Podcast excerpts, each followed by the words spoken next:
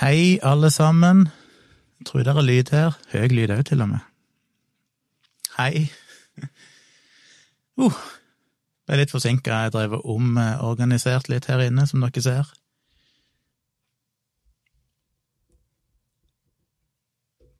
Et evig prosjekt. Gi meg beskjed om eh, lyden er ok og alt det der. Jo før, jo heller, så jeg ikke risikerer å kjøre en livestream uten lyd. Jeg skulle egentlig hatt en, eh, en drøm om å ha en større skjerm her inne, en eller annen datamaskin. Men hvis du har en stor skjerm, så dekker liksom det til så mye, så det, det får bli med denne Macbooken akkurat nå. Lyden er bra, det er bra.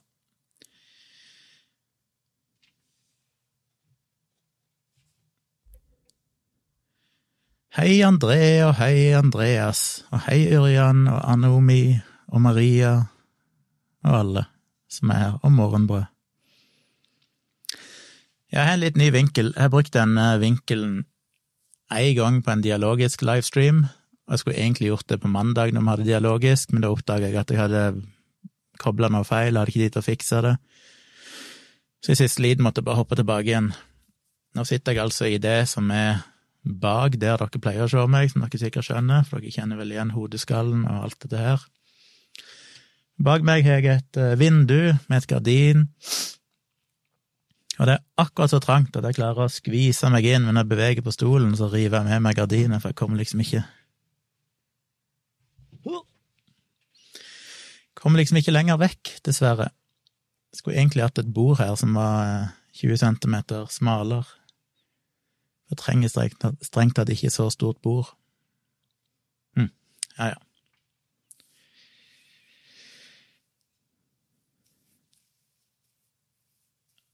Her kommer det tips om å skaffe meg en svær TV å ha i bakgrunnen, sånn som Pacman.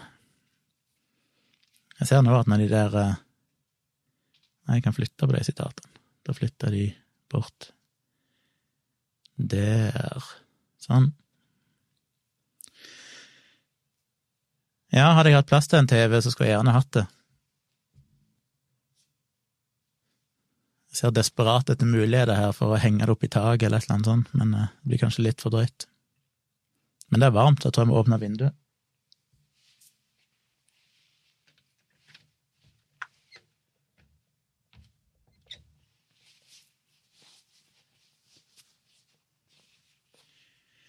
Få inn litt luft.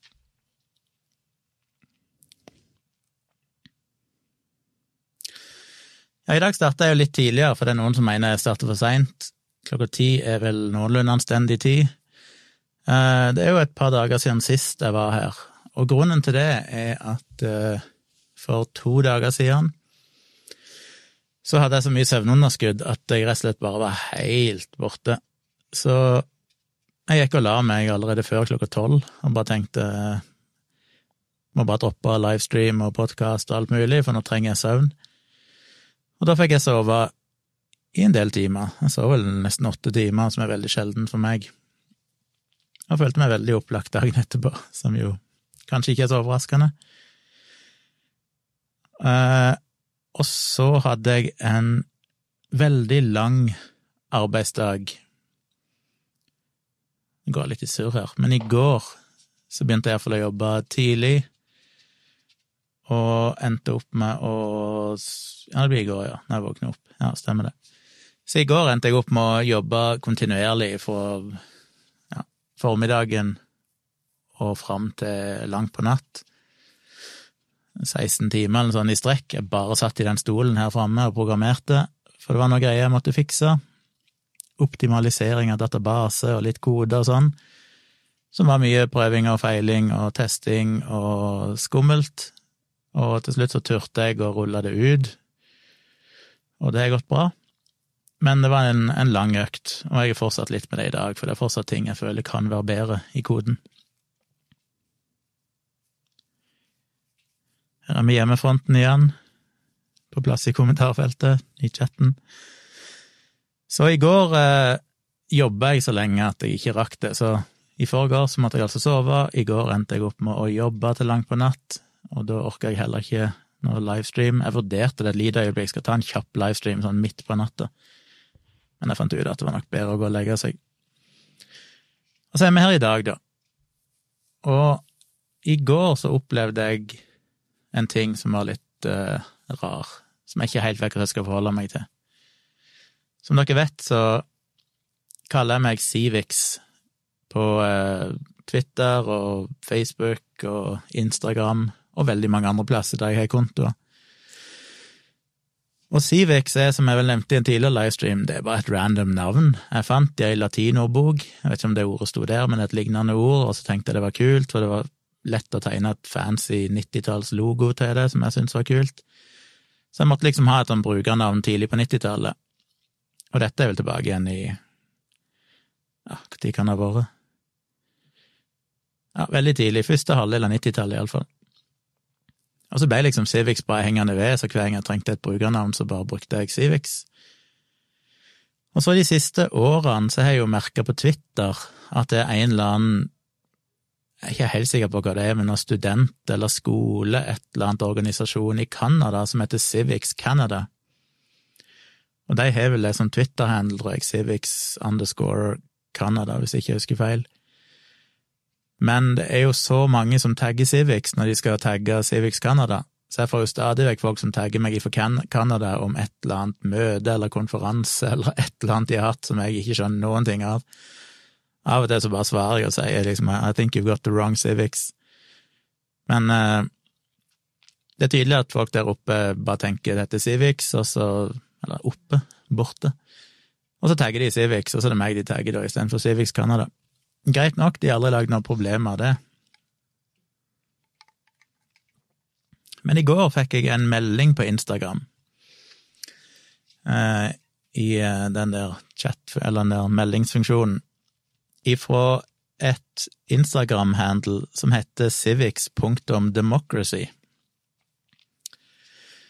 Det viser seg da å være en uh, belgisk studentforening uh, som um, skrev til meg og sa at de var en ideell organisasjon, eller iallfall en non-profit organization i Belgia. Så lurte de så fint på om jeg kunne tenke meg å bare endre litt på navnet mitt, sånn at de kunne overta Civics, siden de heter Civics et eller annet. Så jeg er jo en sånn ja-person som i utgangspunktet tenker at jeg har lyst til å si ja umiddelbart til alt sånn, bare for å være grei. Men så tenkte jeg nei, jeg kan ikke det. Jeg har liksom brukt Civics nå i snart 30 år, og jeg har Civics knytta til så mange kontoer at uh, jeg vil helst beholde det. Så jeg sa liksom bare nei, sorry, det har jeg brukt siden tidlig 90-tall, og bruker det på mange av mine internettkontoer, så mm, beklager, men jeg vil nok helst bare beholde Civics sjøl.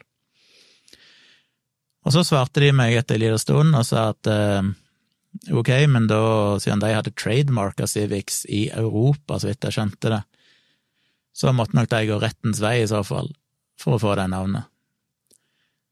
Og jeg svarte bare umiddelbart liksom ja, feel free, yeah, ok, feel free to try, tror jeg jeg skrev.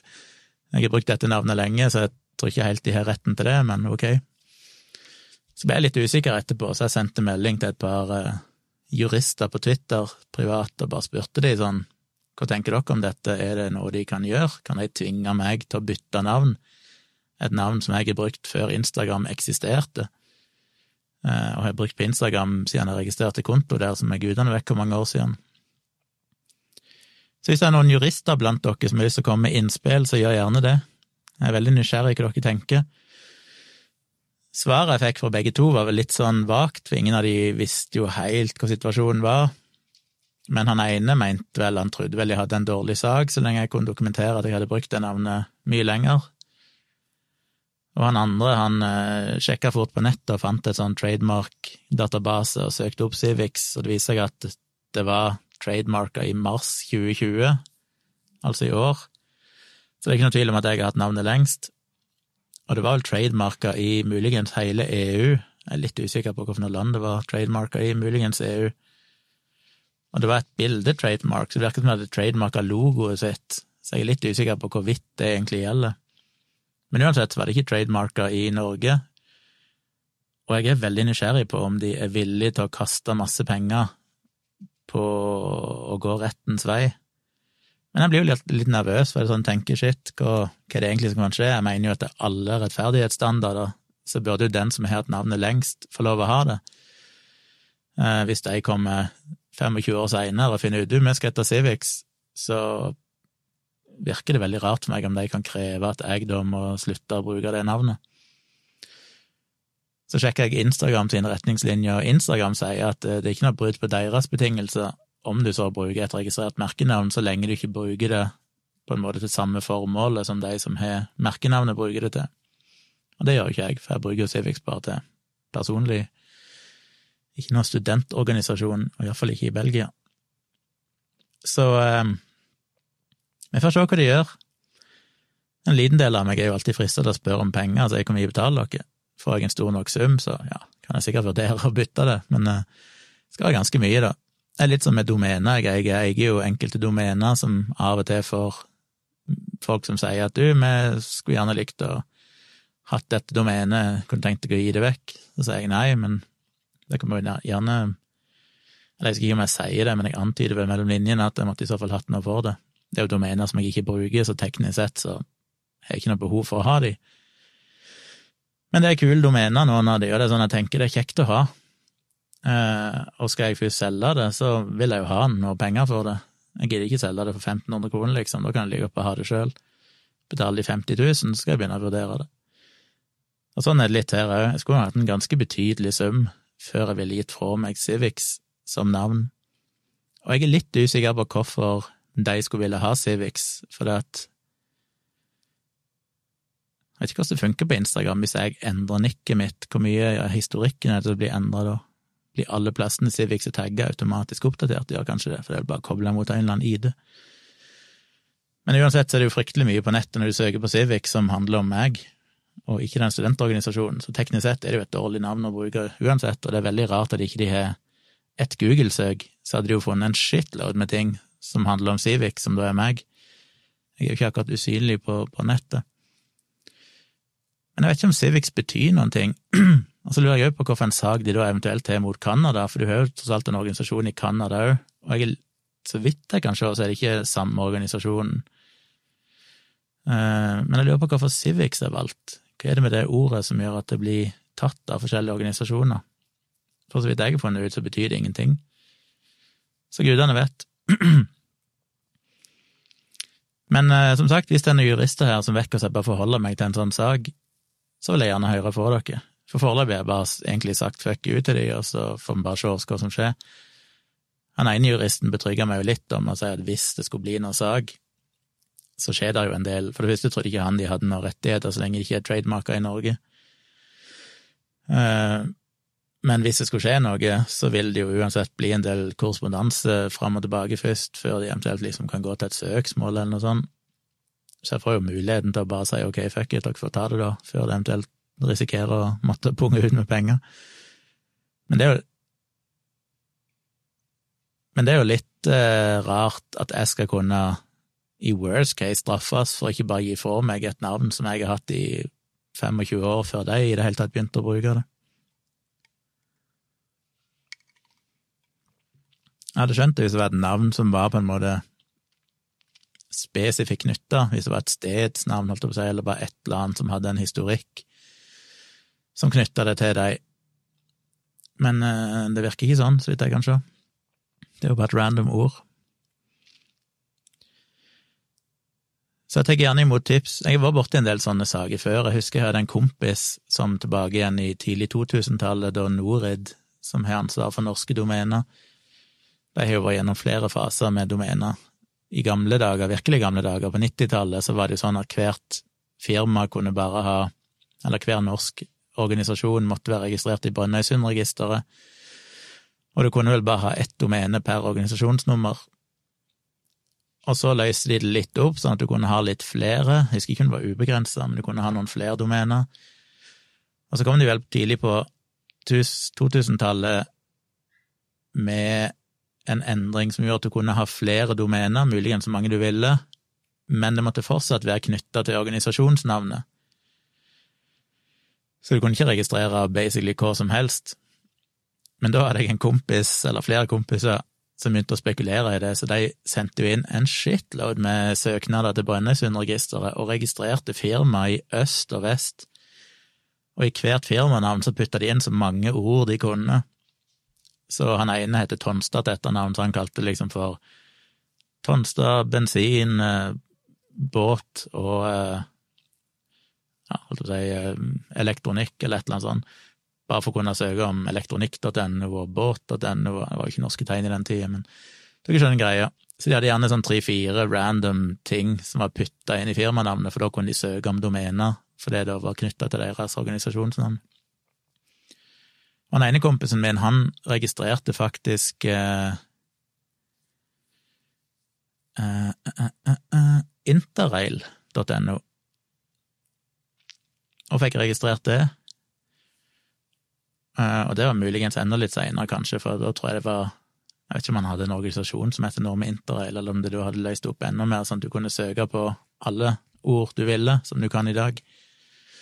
Eller nesten alle. Så han fikk iallfall interrail.no.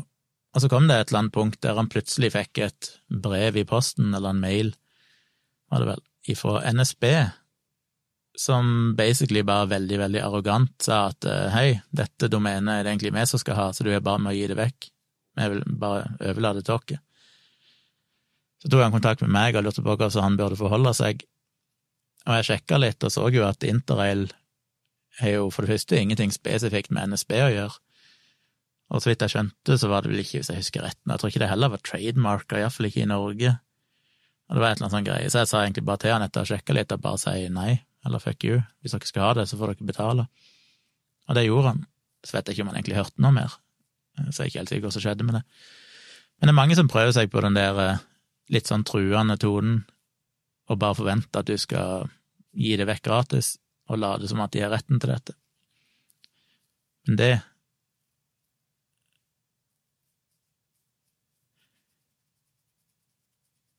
Begynte å lese kommentarer her. Eh, la ikke gå litt opp igjen her. Um,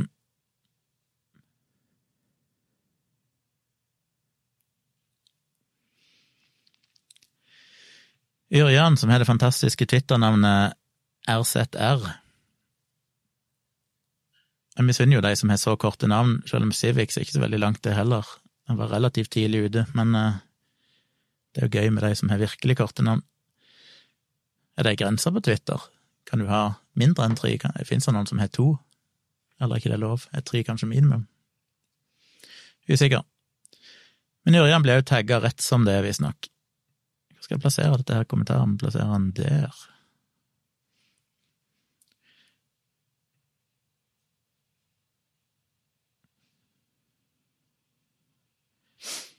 André skriver at bandet hans deler navn med et stort internasjonalt band, vi var først, og jeg har registrert det på meg i Norge bare, men det har stoppet dem fra å turnere i Norge, og er bare i Sverige og Danmark. Ja, det er dårlig gjort, hæ? Stakkar. Jeg husker jeg registrerte vel eh, fjellparkfestivalen.no, som jo er Norges eldste rockefestival, i Flekkefjord. Jeg bare tror jeg oppdaga at jeg var ledig, så tenkte jeg hei, kjekt å ha. Og da gikk det Jeg vet ikke hvor lang tid det gikk, jeg tror det gikk et par år eller noe sånt før jeg plutselig fikk en henvendelse fra Fjellparkfestivalen der de sa at eh, at de ville ha det. Og da var jeg ikke så vrang, for jeg skjønte jo det at det burde de ha, så det fikk de vel gratis av meg, så vidt jeg husker. Det er greit nok å gi det vekk når du skjønner at de har en reell interesse av å ha det, at jeg føler at det bare skulle mangle, men eh, det er ikke alltid det. Hei, Sindre. André skriver at det blir en del feil tagging. Ja, det kan jeg tenke meg hvis du deler navn med et annet internasjonalt band. Det er litt samme greia med det norske bandet Locomotives, som jo er et av mine all time favorites uh, i den tid de var noenlunde store her i Norge, iallfall. De prøvde vel å satse internasjonalt, gjorde de ikke det? Og endra da navnet til Lokomotiv fordi at Locomotives var vel brukt av minst ett annet band internasjonalt. Og det er et dilemma i dag, for de er, det er så rart med sånne ting. Jeg mener, Locomotives var jo temmelig kjente i Norge en periode, hadde jo mange hadde jo flere hits, jeg synes jeg hadde jo alt av EP-er de ga ut, for de ga jo så bare ut EP-er. Muligens de ga Jeg husker ikke om de ga ut noe fullverdig album noen gang, men de gjorde kanskje det. Um, men de har jeg av og til prøvd å leide etter på internett for å finne noen tekster sånn til sanger. Og det er jo klin umulig å finne noen ting av dem, for det er ekstremt lite informasjon om de på nett. Og når du søker på locomotives, vel, så får du jo alt mulig som handler om faktiske tog. Eh, men du finner, hvis du prøver å legge til music eller lyrics eller sånne ting, så får du noen helt andre band enn det norske Locomotives, så de er ganske tricky å finne noen ting av. Det er viktig å ha unike navn. Det var derfor jeg kalte bloggen min for Saksynt, fordi at eh, det fant jeg ut var et ord som ikke fantes ellers, naturlig nok, kanskje. Så hvis du googla Saksynt, så fikk du alltid bloggen min. Civix var jo sånn tidligere, så var jo Civix relativt unikt, men som sagt, de siste årene så er det jo plutselig andre som har begynt å bruke det. Men jeg har jo brukt det siden tidlig 90-tallet, og da var det et navn som vel bare jeg hadde. Anomi sier at hvis du er tagga i et bilde, blir det endra. Da snakker han altså om eh, nikket på Instagram, og det er vel fordi at det er knytta til en ID, så når du endrer navnet, så blir bare alle plassene den ID-en eksisterer i bakgrunnen, oppdatert. Men hvis noen tagger deg i en kommentar, og navnet står skrevet, så endres det ikke automatisk. Selv om det er en tag med alfakrøll foran. Ok, det er jo dårlig.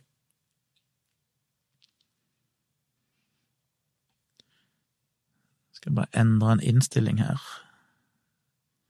sånn at kommentarene forsvinner automatisk, så slipper jeg å drive og trykke de vekk hele tida. Olav sier foreslå i en eventuell rettssak at de kan bytte navn til cervix, og cervix betyr jo livmorhals.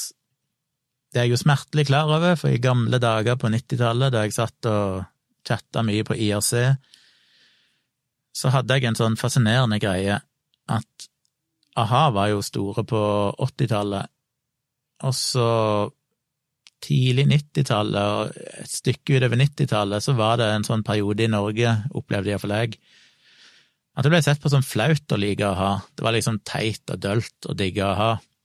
Og derfor ble jeg skikkelig sånn ekstremt a-ha-fan, for da måtte jeg gå mot strømmen. Eh, og jeg elsker jo a-ha, jeg har jo gjort det helt siden deres første pip, holdt jeg på å si. Og, eh, og jeg hadde en Jeg følte jeg kald, husker jeg, når jeg var på IRC. Så var jeg stadig vekk inne i sånne amerikanske eh, rom og chatta og begynte å chatte privat med folk og inn i gruppen, inn i forskjellige IRC-rom eller kanaler. Så hadde jeg en misjon om at jeg måtte overbevise folk om hvor bra a-ha var. Så jeg var alltid sånn, etter å ha chatta litt, så var det sånn, ja, har du hørt om a-ha? Og så var det noen som kanskje svarte sånn, ja, ikke det der One Hit Wonder-bandet? Og da tente jeg på alle pluggene. Da var det jo bare å liste opp One Hit Wonder, er du klar over de har hatt nummer én-hits i 25 land, eller hva det var? solgt så og så mange album, og det var liksom ikke måte på. Ganske dølt. Men poenget var at hver gang jeg bevegde meg inn i et amerikansk eller sånn chatrom og kalte meg Civics, så var det jo alltid noen som skulle være morsomme og skrive Cervix, som jeg da måtte sjekke hva betydde, og lærte meg det ganske tidlig. Så det har vært en, eh, en gammel gjenganger. André skriver at fra min erfaring fra lignende situasjoner i musikkbransjen er det hvem som varemerkeregistrerte først som gjelder, for faktisk musikk, håndsverk, er det den som kan dokumentere første innspillingnote. Ja.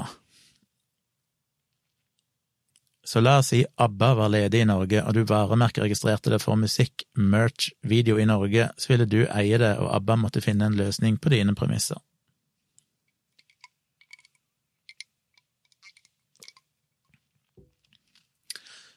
Ja, kanskje jeg må gå til det skrittet å varemerke, varemerkeregistrere Civics.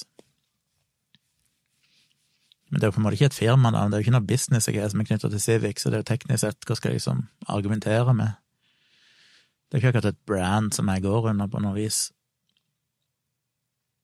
annet enn i veldig indirekte forstand. Du skal jo se at de der belgiske jæklene sikkert kommer til å gå til Norge og varemerkeregistrere det bare for fucka.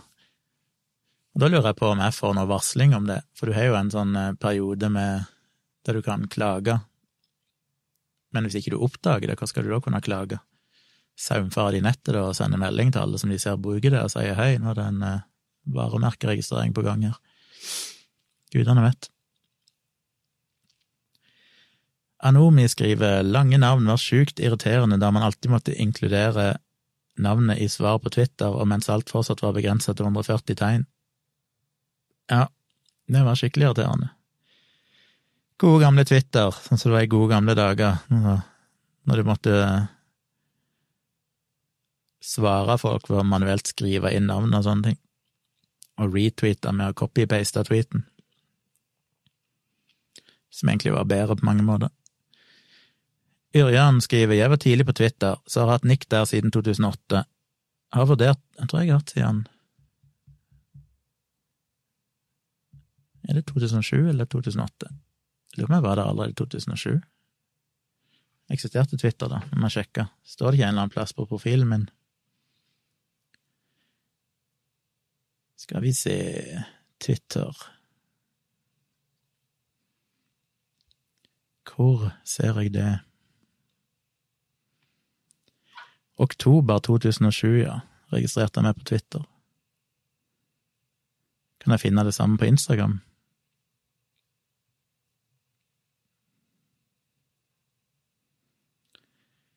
Instagram Nei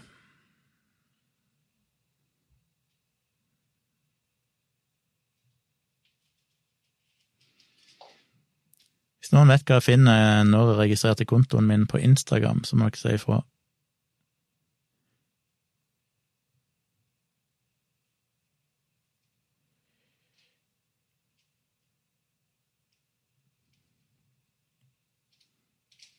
Kan ikke se det noen plass sånn umiddelbart.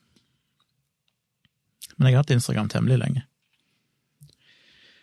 Eh, skal vi se hvor var vi hen. Yrjan, jeg var tidlig på Twitter, og sa at Nick er der siden 2008, har vurdert å bytte det noen ganger, men klarer ikke å komme på noe annet enn navnet mitt, og det er veldig kjedelig. Jeg skulle ønske det var vanskeligere å drive og endre, ikke en, ting er nikket ditt, men det er selve det navnet, den tilleggsteksten. For jeg er sånn Jeg er så tradisjonell når det gjelder navn, at jeg Alle ler jo bare av meg, men jeg lagrer jo i kontaktlister på mobilen min, så lagrer jo jeg alle med fullt navn. Det kunne ikke falt meg inn å skrive mamma eller pappa eller noe sånt.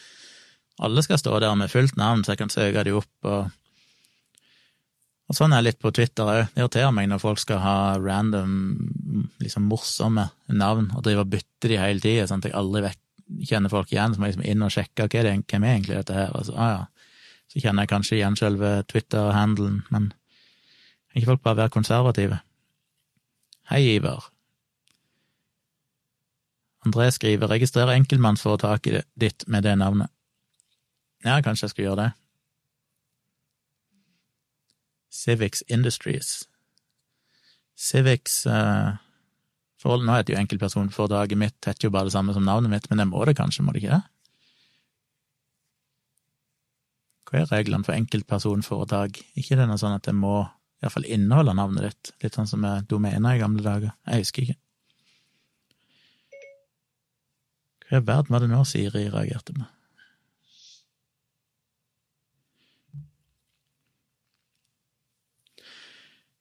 Men det er det som har skjedd, en merkevarestrid. Ellers så er det helt latterlig hvor lite jeg har vært ute i det siste. Jeg har basically Det lengste jeg har gått ut på veldig mange dager, er bare ut liksom rundt blokket her for å lufte hunden. Jeg har ikke vært noe annet sted i det hele tatt. Jeg kommer til å kollapse snart, sikkert, denne kroppen min. Eneste positive alt jeg si, var at jeg fikk en melding fra DHL i dag om at jeg har fått MagSafe-laderen til mobilen min. Og den er levert til en Joker-butikk oppi hogget her, som er en 20-30 minutter å gå. Ja, 20 minutter, kanskje. Så er vi ut en tur kanskje i morgen eller i helge, traska opp der og henta ut denne MagSafe-laderen min.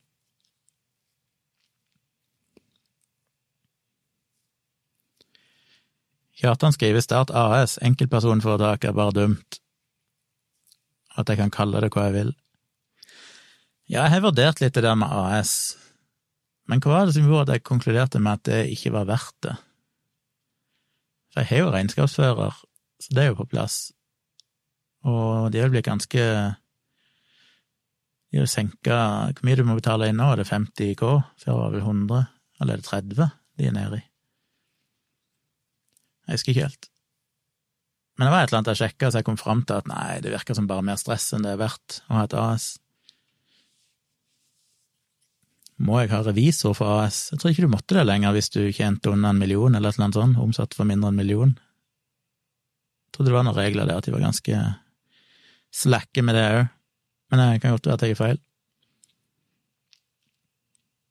Jeg tror det er revisor Nei, det tror jeg ikke. Jeg tror ikke Jeg tror, ikke, jeg tror det må opp i ganske mye omsetning for å, å kreve revisor nå til dags.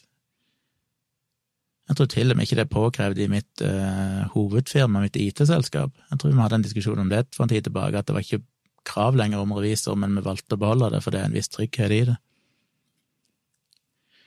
Jeg tror i Norge så har de fjerna kravet til revisor hvis du tjener omsetter for under x antall millioner i året.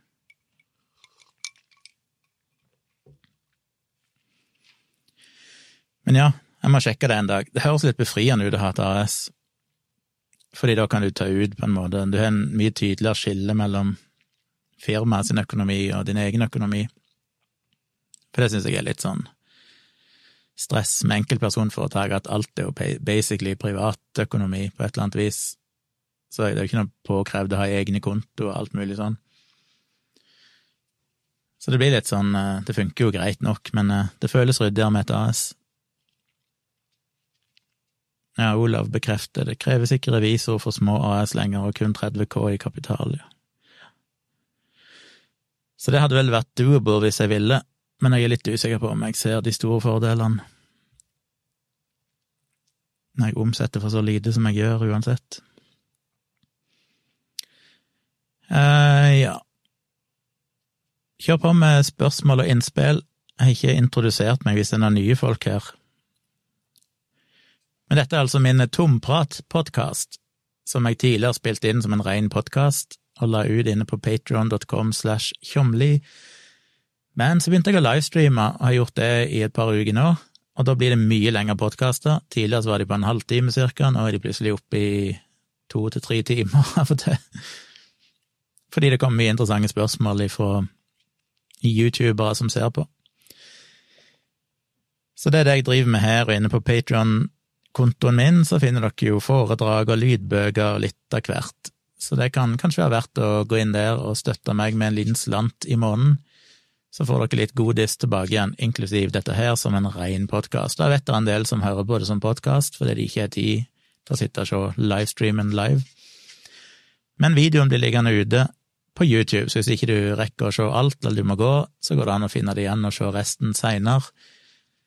Jeg har jo også tenkt, som jeg har sagt tidligere, på hva jeg skal gjøre med de her videoene, og jeg har en liten plan om at jeg kanskje skal begynne å ta ned disse videoene etter hvert, og bare redigere ut noen klipp, litt sånn Joe Rogan-style, uten sammenligning for øvrig, men bare finne enkle ting der jeg følte jeg snakka om noe så interessant, og bare legge det ut som selvstendige videoer, som noen teasere, og så lukke resten av videoene inne kun på, på Patrion, sånn at de kun blir tilgjengelige der.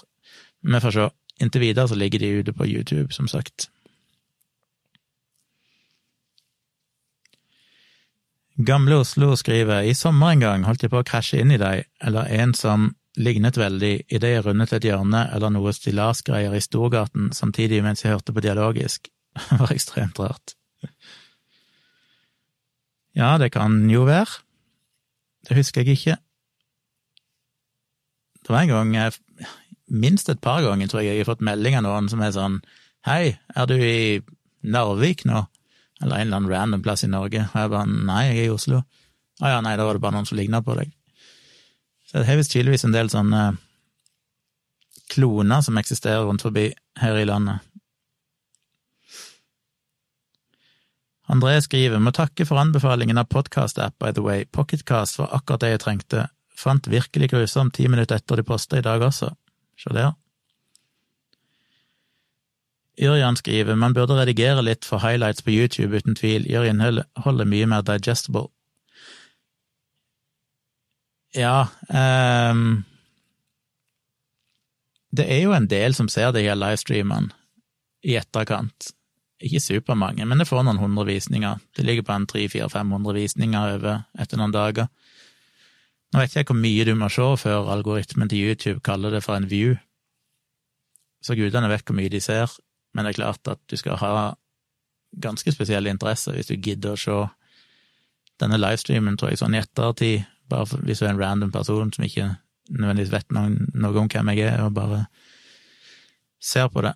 Så det hadde nok definitivt vært mer eh, digestible, mer spiselig, fordøyelig, hvis jeg hadde bare laga noen sånne få minutters highlights som jeg la ut. Så det, det er ikke noe tvil om at det er fornuftig. Problemet er jo bare tid det tar. Det krever at jeg setter meg ned, og så må jeg høre igjennom disse livestreamene, som jo er Det er jo det verste jeg vet, det er å høre, høre og se meg sjøl.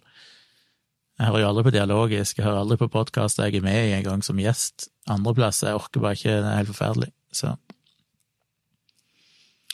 Gamle Oslo spør om jeg er under 1,70.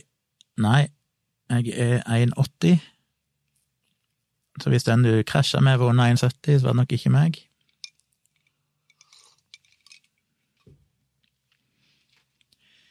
Yrjan og,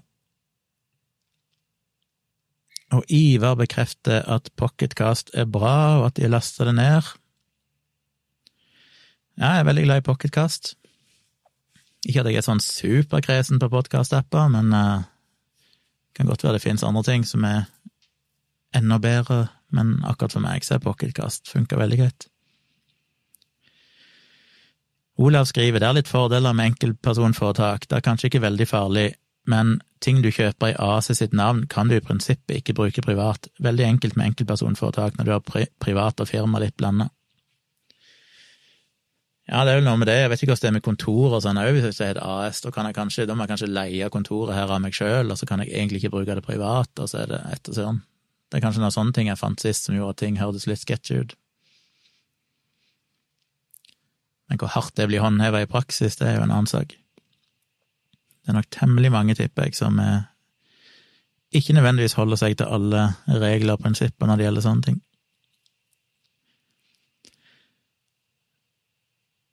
Anomi skriver innstillinger, sikkerhet, tilgang til data. Skal vi sjekke. Innstillinger Det er jo en plass å gjemme det vekk.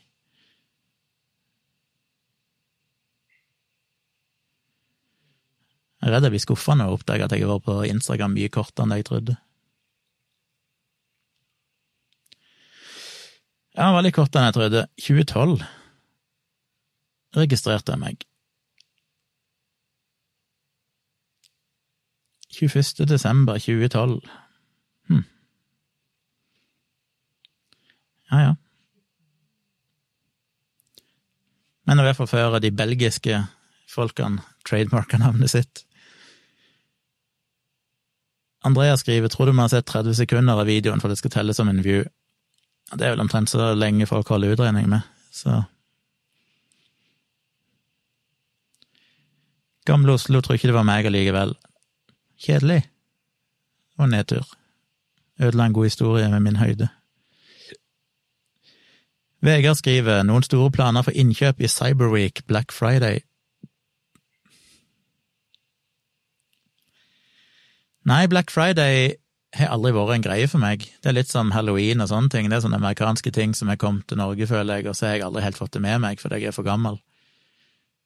Um, så jeg tror aldri noensinne jeg har handla noe spesielt i løpet av Aldri hørt om Cyberweek engang. Er det noe nytt de har begynt med? Eller er det uker som leder opp til Black Friday, eller er det uker etterpå? Gudene vet når Black Friday. Er det i morgen, det? Eller er neste fredag? Aner ikke. Men jeg har ikke noen planer om innkjøp, nei.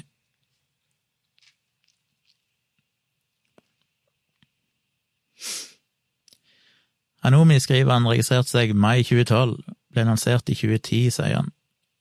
Ja. Det jeg lurer på, er om jeg Nei, mest sannsynlig var det da jeg registrerte meg, men jeg vet sånn som Facebook, for eksempel, der registrerte jeg meg jo veldig tidlig, og så sletta jeg kontoen etter et halvt år. Så jeg sletta kontoen på Facebook før det var kult å slette kontoen på Facebook. Hipster-Facebook-bruker.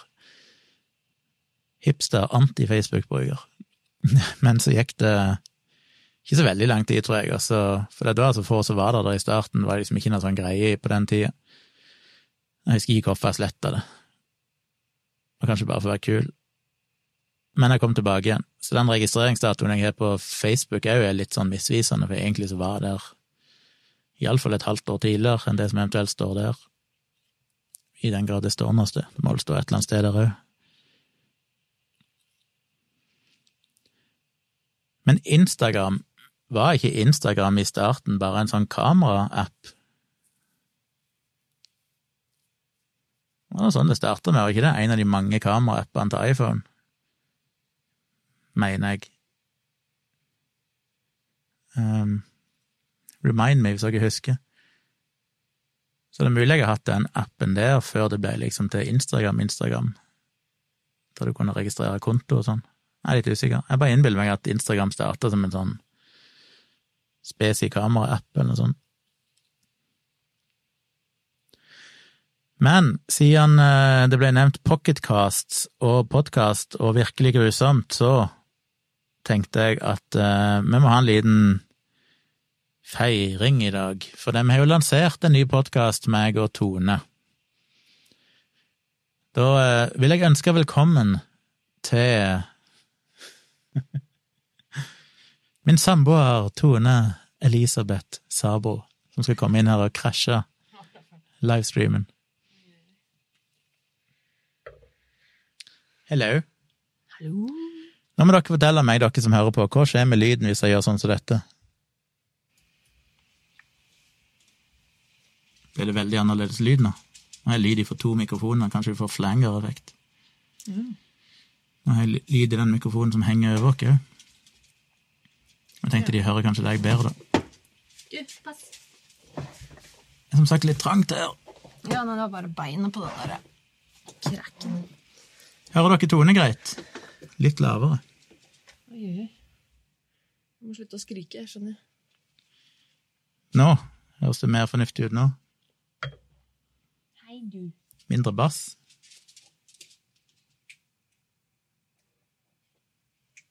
Sånn. Er det bedre nå?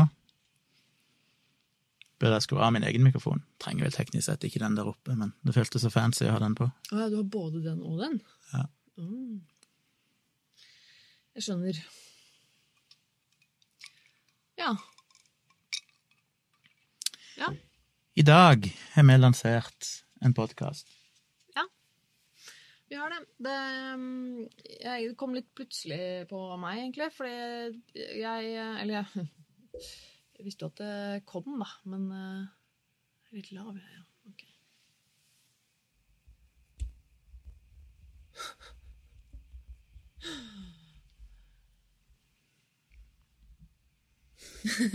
Pass på nå. Eh, jo, jeg visste jo at den kom. eh, at vi hadde sendt den inn for eh, godkjenning hos iTunes og litt sånn. Um, men jeg Fordi vi venta jo på at jeg skulle gå gjennom, holdt jeg på å si, at den skulle bli godkjent der. Og så sjekka vi litt de siste dagene, og så hadde det ikke kommet opp noe. Og så så jeg at jeg gikk jo la meg før deg i går, men så la jeg oppe på senga en god stund og så på YouTube. Og så så jeg etter hvert at jeg hadde fått en melding av deg hvor du bare hadde sendt meg en screenshot av eh, at de var lagt ut på iTunes. Og så ble jeg litt sånn ja, men så bra. Det er jo kjempefint og kult. Og så sjekka jeg Pocketcast, for det er jo den Apropos, jeg bruker jo den, jeg òg. Men da var den ikke kommet til Pocketcast. Um, og så var den ikke det heller i dag morges, uh, da jeg skulle dra til uh, jobb-ish. Så uh, jeg tenkte jo egentlig at ja, ja, men da Jeg tenkte at vi begge tenkte at vi bare skulle utsette å lansere på en måte offentlig til vi skulle liksom sjekke at det har kommet ut på alle steder. Og sånn. Og så plutselig så ser jeg at du har tagget meg i sånn Nei, vår nye podkast på alle sosiale medier og sånn. Så fikk jeg litt sånn Nei, nei, shit. Altså, det var da jeg begynte å skrive til deg sånn ja, 'Den er ikke kommet opp i Pocketcast.' Og da var den jo kommet opp, heldigvis. da, Og så bare sånn, ok, Men selv om jeg er på jobb midt i en møbel her, så må jeg bare ta en pause, og så må jeg også slegge meg på promoteringen av podkasten. Men ja, så Ja. Det, det må jo feires litt. Så den er ute. Den heter altså Virkelig grusomt. Skal vi se om jeg finner den. Der. Ja. Det er jeg som har laget eh, coveret. Jeg syns jo coveret er ganske kult, da, men uh, tydeligvis så syns ikke Jim på moderne media at det var bra nok, tror jeg, egentlig. men vi får jo se om de endrer etter hvert. Men det er i hvert fall det duger til nå, tenker jeg. Så jeg gleder jeg meg veldig til å legge ut uh, første episode. Det ligger jo teaser ute nå, det har du sikkert eh, nevnt. Eh, så det er veldig kult eh, om folk vil høre på den og kanskje begynne å glede seg litt. Jeg har i hvert fall fått en tilbakemelding på, på teaseren. At det var eh, en jeg kjenner som hadde hørt den og sa at det var en veldig bra teaser, og vi hørtes veldig eh, bra ut. holdt jeg på. Vi hadde veldig godt samspill, og det var veldig sånn Ja, da gleder jeg meg til podkast. så det var hyggelig. Eh, så, Ja, det blir en skikkelig hjemmesnekra produksjon der vi skal sitte her med dette bordet på hver sin side. Men jeg føler at, eh, du, at du ikke gjør noe tjeneste når du sier det. fordi at eh, når du sier hjemmesnekra, så høres det ikke så veldig proft ut. Men det er jo Men Folkens, sjekk utstyret mitt. da. Dette er jo like bra som moderne medier. Ja, det er det jo, men det, det vet jo ikke folk nødvendigvis. De som ser på, vet det. De ser jo dette. Ja, men du sa det i teaseren, så sa du at det var uh, hjemmestudio. Og da blir det sånn Nei! Men da hører de jo teaseren, da hører de at det er bra lyd. Så Ja, ja, tror ikke de gjør noe taper på det. Nei, det er jo disse koronatidene som er Studio er jo stengt. Gamle Oslo klager og klager. Ok, Tone, hent den mikrofonen, da. Strekk den over bordet.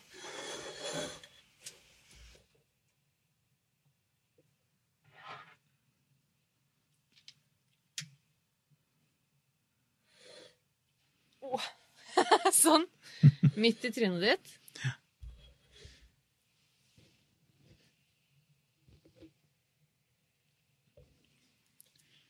Sånn. Sånn skikkelig mikrofonkaos. Ja, Det er fordi du sitter på min plass og har min mikrofon. Og du skal egentlig sitte på andre siden og ha den mikrofonen. Er det bedre nå, folkens? Stakkar, og du har drevet og sosa så mye med å fikse det opplegget. Og bare nei, jeg vil sitte der på livestreamen, for det er mye bedre å sitte der. Og så kåla og ordna, og så ble det bare kaos likevel. Ja. Jeg må se hva jeg skal gjøre med de mikrofonene. Jeg har lurt litt på å flytte denne og feste den der, rett og slett. Ja, Og så, hva hjelper det?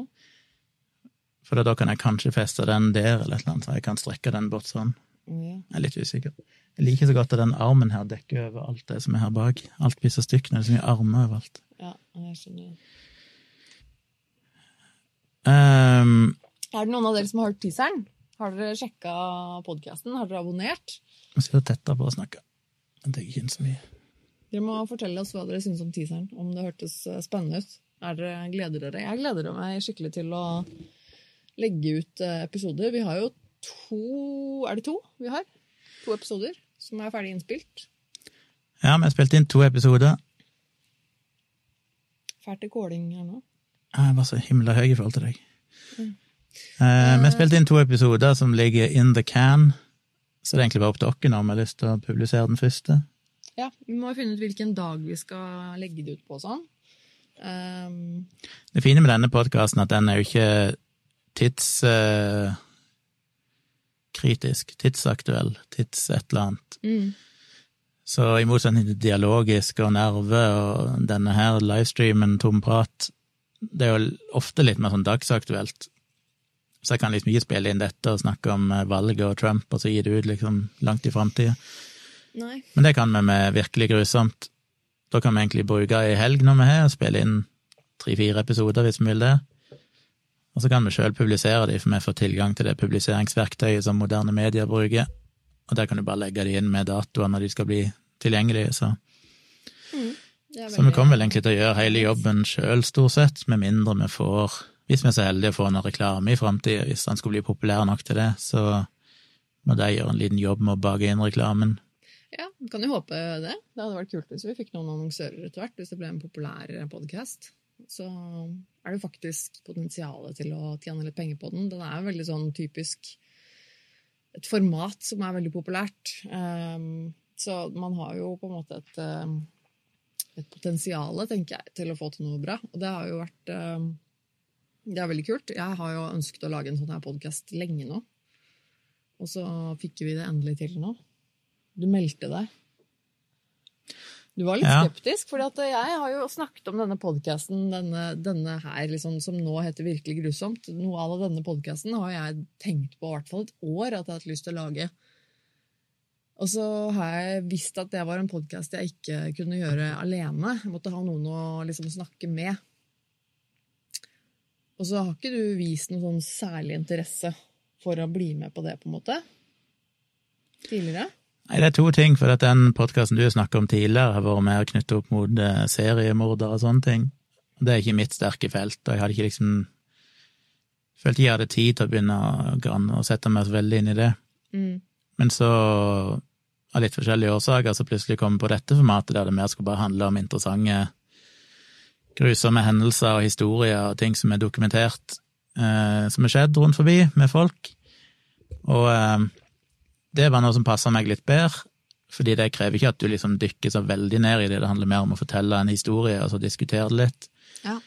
Og så er det en stor faktor at man kan spille det inn sjøl, for når du begynte å snakke om den podkasten du ville lage, som er sikkert for nesten et par år siden, så var det jo mer i de der moderne mediestudioene, og da tenkte jeg å, da må jeg liksom ned der en dag ekstra i uka, og det blir liksom så mye, Ja, mye styr, da.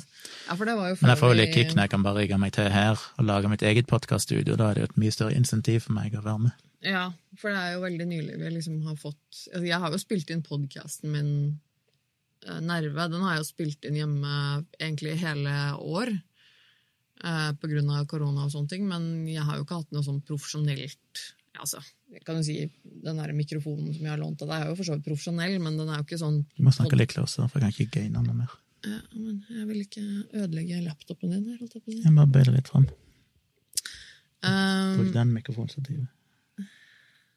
Ja, men det er litt sånn vanskelig å sitte sånn Nei, samtidig som jeg sånn ser på deg. For at jeg liker kveld, ikke å se ut i løse lufta hvis jeg snakker til deg. Eller snakker med deg. Uh, greit, sorry. Eh, nå, kom, nå glemte jeg hvor jeg var hen. jeg. Takk skal du ha. Nei, men alle klager her, man kan ikke bare fortsette fortsette hvis folk sier de ikke hører deg. Nei. nei, jeg får nesten gå, jeg, da. Snakk nå, kom igjen, give it to us. Nei, men jeg husker ikke hva jeg sa. Nei, ikke jeg heller. Men uh, Gamle Oslo sier endelig er det blitt god lyd, men de her mikrofonene må han snakke veldig tett på. Så.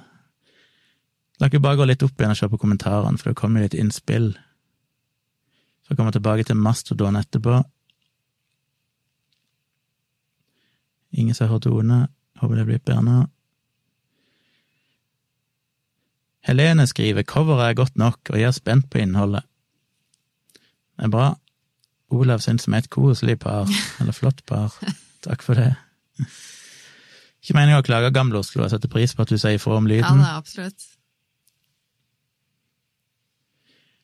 Um, Anomi skriver 'gleder meg til første episode, likte teaseren'. Ja, bra. Yrjan spør om den mikken du har over der, er det en shotgun-mikk? Nei, teknisk sett så er det bare en eller annen uh, vokal-kondensator-mikk, som er det beste jeg har. Annelin sier hun er abonnert. Er. Bra. Og det er viktig. Finn teaseren, og så husk å abonnere, sånn at dere får med dere når første episode kommer. June skriver 'hørte teaser, meget god atmosfære'. Dere fikk det der. Ja, men det er bra. Kult. Problemet med å lage en sånn podkast er jo alltid å finne en jingle eller en sånn intromusikk. Men jeg likte egentlig veldig godt den du brukte til den teaseren. Ja, og jeg har redigert en versjon som jeg tenkte å bruke på de andre episodene òg. Jeg syns det hadde vært litt kult å Men greia med de jinglene er at enten så må noen lage originalmusikk, eller så må du ha et eller annet som du har rettigheter til. Både meg og Tone abonnerer jo på Hun abonnerer vel på uh... Epidemic Sound. Epidemic Sound, som jeg òg gjorde før i tida, men så bytta jeg til Artlist. Og det er altså en sånn database med masse musikk som er lisensfri, som du kan bruke. Eh, som koster noen kroner i måneden, og du har tilgang til et rikt arkiv på titusenvis av sanger i alt, alle mulige stilarter. Så når du kjøper eller bruker musikk der, så får vel de musikerne som har laga musikken der, får vel forhåpentligvis noen kroner. Men de er ganske strenge, de reglene. Så Epidemic Sound må du jo knytte opp mot en spesifikk YouTube-kanal, og det er kun på den YouTube-kanalen du lover å bruke musikken. Så du kan ikke bruke den samme musikken i en podkast, for eksempel. Og det Artlist er litt mer eh, frie. De knytter ikke opp med en spesifikk kanal, de sier bare at det må være et videoprosjekt. Så uansett hvor jeg lager video hen, så kan jeg bruke den musikken. Men jeg kan ikke bruke det til podkast, så derfor måtte vi gi opp det. Og så har jeg jo da som en sånn fallback-løsning alltid, som Dialogisk har brukt, og Saltklypa har brukt i gamle dager. Og igjen nå bleieokke, okke, det var å bruke min egen musikk som jeg lagde for veldig lenge siden. Ja. Så denne her sangen som er på teaseren, den veldig New Age-aktige synt-musikken med hjerteslag og sånn, den komponerte jeg tilbake i, i 93 eller noe sånt, tror jeg. Jeg, satt på Bjer jeg kan ennå huske det, jeg satt på Bjerke studentheim i Oslo, faktisk, høsten 93, og lagde musikk. Og da husker jeg jeg lagde den sangen der, og lengden passa ganske fint, så jeg fikk spilt hele sangen på teaseren. Ligger i bakgrunnen hele veien. Og hele den ble laga på en Roland CM 300, hvis noen kjenner den. Bare en sånn enkel eh, General Midi Det var ikke riktignok vel GS de kalte det Roland, var litt sånn utvida versjoner av GM. Men han ganske basic lyder. Så spilte jeg det inn på et eller annet musikkprogram, Musicator eller et eller annet sånt. Og det fine med det er jo at eh, da slipper en alle rettighetsproblemer, for det er jo mitt åndsverk. Og så funka det egentlig ganske greit. Passa liksom litt med stemningen med de hjerteslagene i bakgrunnen som stopper helt på slutten og sånn. og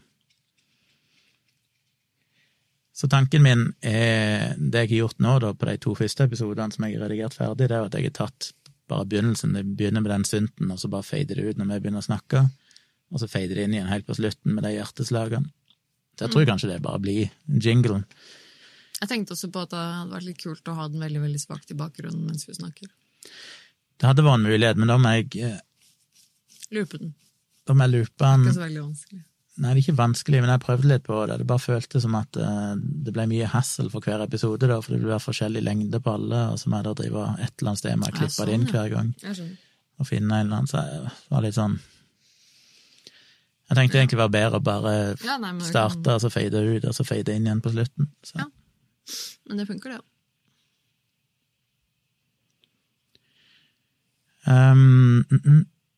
Ja. Så virkelig grusomt. Den kommer seinest i neste uke, en eller annen gang. En eller annen dag i neste uke så må vi jo slippe første episode. Ja. for å kan bestemme hvilken dag vi vil ha. Tease litt om hva de første episodene handler om, bare for å si litt om liksom type type innhold. Først og fremst så har vi jo oppretta en eh, e-postadresse. Mm. Den må vi huske å sjekke, forresten, i framtida. Nei, noe. Eh, som er virkelig grusomt. At gmail.com, eller gmail.com, som jeg pleier å si. Så enkelt og greit, virkelig grusomt i ett ord. Alfakrøll, gmail.com. Så hvis dere har innspill, tips Ja. til historier, tips til ting dere har hørt som vi kanskje kunne snakke om, så det er jo veldig kult, for det er alltid godt å få tips om historier. Men eh, da må det jo være noe konkret, da. Altså en konkret hendelse eller historie eller person eller et eller annet Som det er mulig å finne ut litt om, da. Gjerne med en link til en artikkel eller noe sånt. Um, Så den første historien er det Konseptet er jo, og det sier vi kanskje i teaseren, det husker jeg ikke. Mulig det. Ja. konseptet er jo at vi forteller én historie hver hver gang, eller annenhver gang, da. Så i første episode er det jeg som forteller en historie til Tone, og Tone kan liksom reacte underveis og spørre og komme med spørsmål, eh, komme med kommentarer. Og så, når historien er ferdig, så snakker vi litt om den etterpå, og så rangerer man på en såkalt grusomhetsskala fra én til ti. og episode to, da er det Tone som forteller en historie til meg mens jeg lytter og stiller spørsmål og sånn. Så det er et ganske enkelt konsept. Og min historie handler om ei relativt ny, en ny flykatastrofe. Som når jeg hørte den historien, som jeg kan huske sjøl når det var i media, men det er noen holdt på å si, ting som knytter seg til enkeltpersoner på det flyet, som bare fikk det til å liksom gå kaldt nedover ryggen på meg og tenke shit, tenk å oppleve noe så forferdelig. Så det for meg var en virkelig grusom historie ifra virkeligheten som, som jeg da forteller til Tone. Og hva er din historie, Tone? Uten å avsløre noen ting. Mm, ja, men jeg skal ikke si så mye. Det er, eh, det er et mord. Eh, Det dreier seg om en, eh, en veldig, veldig ung gutt som blir morder. Ganske grusom og ganske tragisk. Så det sier jo litt om spekteret. Det kan altså være hva som helst. Det trenger ikke være liksom verken kriminalitet eller sånt, og det skal ikke være noe overnaturlig, det er viktig for meg. Det skal ikke være sånn spøkelser og ånder. Mm. Det skal være virkelige historier. Jeg tenker Det nærmeste vi i så fall kommer, er jo hvis det er forsvinningssaker og sånn som er litt mystiske eller uoppklarte, eller som eh, ja, kan være litt sånn at folk tenker at det er litt mystisk merkelig. Men det vil jo uansett ikke være noe overnaturlig. Nei, så vi får se hva som kommer. Jeg, jeg ser jo en del på YouTube, og det har jo dukket opp en del historier der. Ser en del på YouTube. eller? Så kanskje jeg får noe inspirasjon der, og så har jeg googla litt, og googla liksom grusomme historier ifra virkeligheten, så jeg kommer til å få litt tips der. Så, men hvis dere kan tipse dere, så gjør gjerne det. Eh, Bra med litt innspill. Gjør jobben vår litt lettere. Så jeg tror det blir gøy, og litt av tanken med den podkasten som jeg vil begynne å si, er at den er jo ikke tidskritisk, men i tillegg så er det jo sånn, mener jeg, at for eksempel dialogisk det er jo en podkast som du må ha en viss interesse for den type ting vi snakker om. Du må kanskje òg ha en viss eh, sans for meg og Dag for å gidde å høre på det. Nerve, som er Tone sin podkast, den er jo litt for spesielt interesserte, og igjen litt sånn tidsaktuell ofte. Og denne livestreamen her er jo òg veldig for spesielt interesserte. Men det jeg likte med Virkelig grusomt, var at jeg fant ut at det var gøy å lage en podkast som er sånn som egentlig alle kan høre på. Uavhengig om de aner hvem jeg er, eller hvem du er, eller Ja. når de hører på det, eller alder. Det er liksom litt sånn som i den true crime-sjangeren, at det er noe som folk At det er veldig bredt spekter av folk som syns det er spennende. Mm. Så det gjør det jo mulig for den podkasten, og teknisk sett kunne nå ut til veldig mange flere enn det vi har gjort med de andre podkastene. Så vi får se om vi lykkes med det.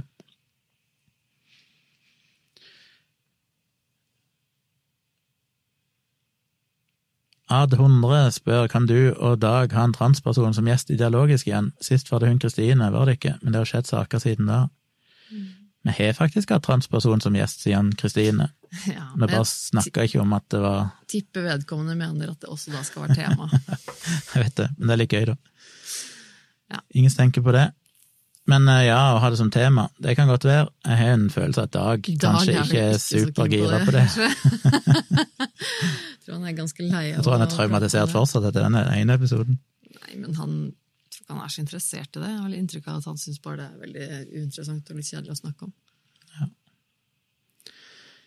Ja, det kan jo være vi får se om det dukker opp et eller annet, en person eller tema, som gjør at det plutselig blir spesielt aktuelt. Det går an å sende tips dere på Twitter eller Facebook eller noe hvis dere har innspill. Anomi skriver hva er moderne media? Moderne media ja. Det er eh, produksjonsselskapet som eh, produserer podkastene våre.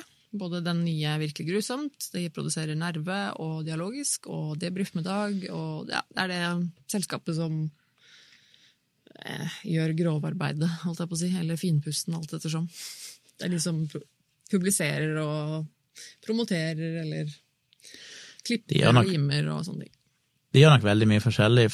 For en del, de har jo mange, mange titalls podkaster som de drifter. Ja, mange, mange nå, faktisk. Ja. Jeg er helt, er overraska over hvor mange de har nå. og eget YouTube-studio og alt mulig sånn. Ja. Eh, når vi starta, så holdt de jo til borte i Brugata, hadde bare ganske lite Bitte lite. med ett studio. Men så utvider utvida de og flytta bort i eh, Heter det Kvadraturen? Er det Kvadraturen? Ja, ja eller er bort med ja, festningen i Oslo. det, Nesten, ja. ja. Og der er det jo nå fem-seks studio eller sånt. Ja. Mye mer plass, og er blitt flere ansatte og mye større selskap. Mm. Så jeg tipper for en del av podkastene så kommer jo folk inn i studio, og så spiller de inn, og så er de en tekniker som sørger for at innspillinga går greit, og så redigerer de det og, og alt mulig sånn, og legger ut. Eh, For dialogisk er det vært ganske enkelt, og for så vidt nerve, for at der har de jo egentlig ikke redigert noen ting, enten bare liksom klippet starten og slutten. Ja, både nerve og dialogisk er jo frisnakk uten klipping og redigering, så da er det jo veldig greit. Men det er de som legger på da liksom jinglen først og etterpå, og liksom Ja, sørger for at lyden er bra og sånn, men eh, Hvis denne podkasten virkelig grusomt, som sagt, den kommer jo i praksis med til å produsere og gjøre alt for, til og med publisere den sjøl. Så det de gjør i den sammenhengen, er jo at de jobber jo kontinuerlig med å prøve å få annonsører og sånn. mm, Hvis det skulle være aktuelt med liveshow, så er det jo de som sørger for å prøve å booke det, og ordne alle kontrakter og avtaler i forhold til sånne ting. Men gitt at vi ikke har noe reklame, så gir jo de egentlig ingenting, enten at de da finansierer den publiseringsløsningen som blir brukt til å legge ut podkasten. Ja. Så jeg, så har de jo tatt på seg ansvaret for podkasten. Altså hvis det er liveshow eller eh, annonseringer og sånne ting, så er det jo i utgangspunktet de som skal ordne sånt. mm. um, så det blir ikke mye de gjør med virkelig grusomt foreløpig. Men uh, hva skal jeg si? Jeg hadde et eller annet på hjertet. Å, Um, ja, sikkert ikke så viktig. Jo, det var det, for det er en som spør her eh, Anomi spør ja, hva er moderne medier, er det noen restriksjoner og krav til dere to fra deres side, eller har dere full frihet? Syns det var rart at dere ikke sto oppført som artist. Ja, jeg var inne og kikka på den publiseringsløsningen i dag, og så oppdaterte jeg litt informasjon der, for den mangla tagline og litt sånne ting. Men jeg la jo merke til at det sto moderne medier som artist, og så var jeg litt sånn usikker og tenkte sånn hm, jeg tenkte hvis de har skrevet det, så bør det vel stå det, siden det er de som er ansvarlig publisher, holdt jeg på å si. Men eh, ja. det er litt sånn rart at det står det, kanskje. Men jeg endrer ikke på det, det er ikke så viktig. De liker vel å ha alle sine podkaster under sitt merkenavn, og det skjønner jeg jo. ja. Jeg minner meg på at de har ikke lagt på sånn moderne mediestripe øverst i logoen. Jo, de har det på, eh, på Ja, er det? I podkasten, så okay. er det det. Det er, det er det bildet som jeg lagde, og da har du ikke noe Jeg har ikke fått det tilbake av Håkon etter at de fiksa det, så jeg må be om å få det. Det logo på. Kom et tips fra Ørjan. Inviterer Espen Goffeng for å snakke om cancel culture, ha-ha. ja. Ja, um, vi hadde vel en slags løs plan om å ha han som gjest når han ga ut den boka si for et års tid siden, eller noe sånt. Men det har aldri blitt noe. Og hva slags bok var det? Hva var det? ja, Hva var hette nå igjen? Husker ikke, men den handler vel om eh, handler jo litt om innvandring og rasisme og på en måte ja, de tingene. Ja. Har du lest boka hans? da? Jeg får stadig vekk bøker i posten, jeg leser ingen av de. Jeg må snart begynne å skjerpe meg. Du leser jo noe Det er jo ikke helt sånn at du ikke leser noen av de. Jeg leser hvis vi skal ha intervju i podkasten, de har jeg lest stort sett. Men uh, de bøkene jeg får som jeg bare får i posten, uten at det er noen sånn deadline på at jeg må ha satt meg inn i et eller annet til et visst tidspunkt, eller sånn, Det ender stort sett bare opp i hylla. Du er sånn uh, ufrivillig bokinfluenser. Ja. Bare får tilsendt masse bøker i posten. Får tilsendt bøker, for jeg tror forlagene tenker at kanskje jeg kommer til å si noe om det, eller skrive om det, eller sånn. Det skjer jo aldri. Nei, vi hadde en slags plan, og meg og Dag har jo diskutert det, men eh, jeg har bare ikke helt funnet ut hvordan vi skal angripe en sånn uh, diskusjon med Goffeng, fordi at ja, Som jeg sa tidligere her i livestreamen, det var noen som sa at vi måtte ha flere gjester som vi var uenige med. Ja.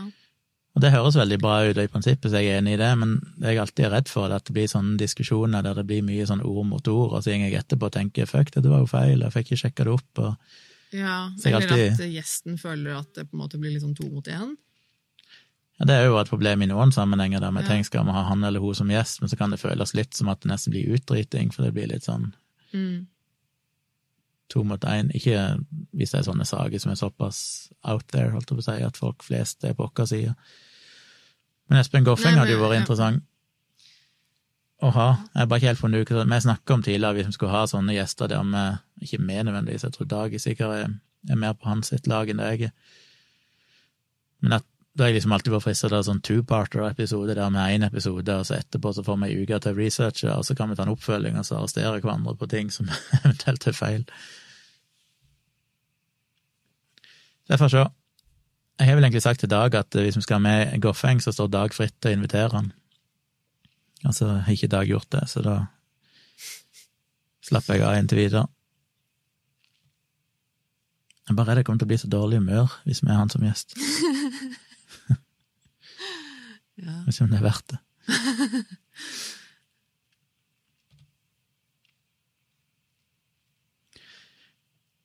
Ble stille i kommentarfeltet her, kjør på. Um, burde egentlig ha lagt ut uh, Jeg burde høre det, kanskje.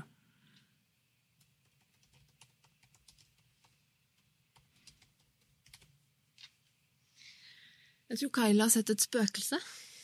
Hun sitter bare på fanget mitt nå og stirrer på ett punkt borte på kjøkkenet og ser eh, skremt ut. Det er nok spøkelser i leiligheten vår. Ja, det er så creepy når hun av og til begynner med det. Hun bare sitter et sted og så bare kikker hun. Ja. Tenker hva er det nå hun ser på, det er jo ingen der.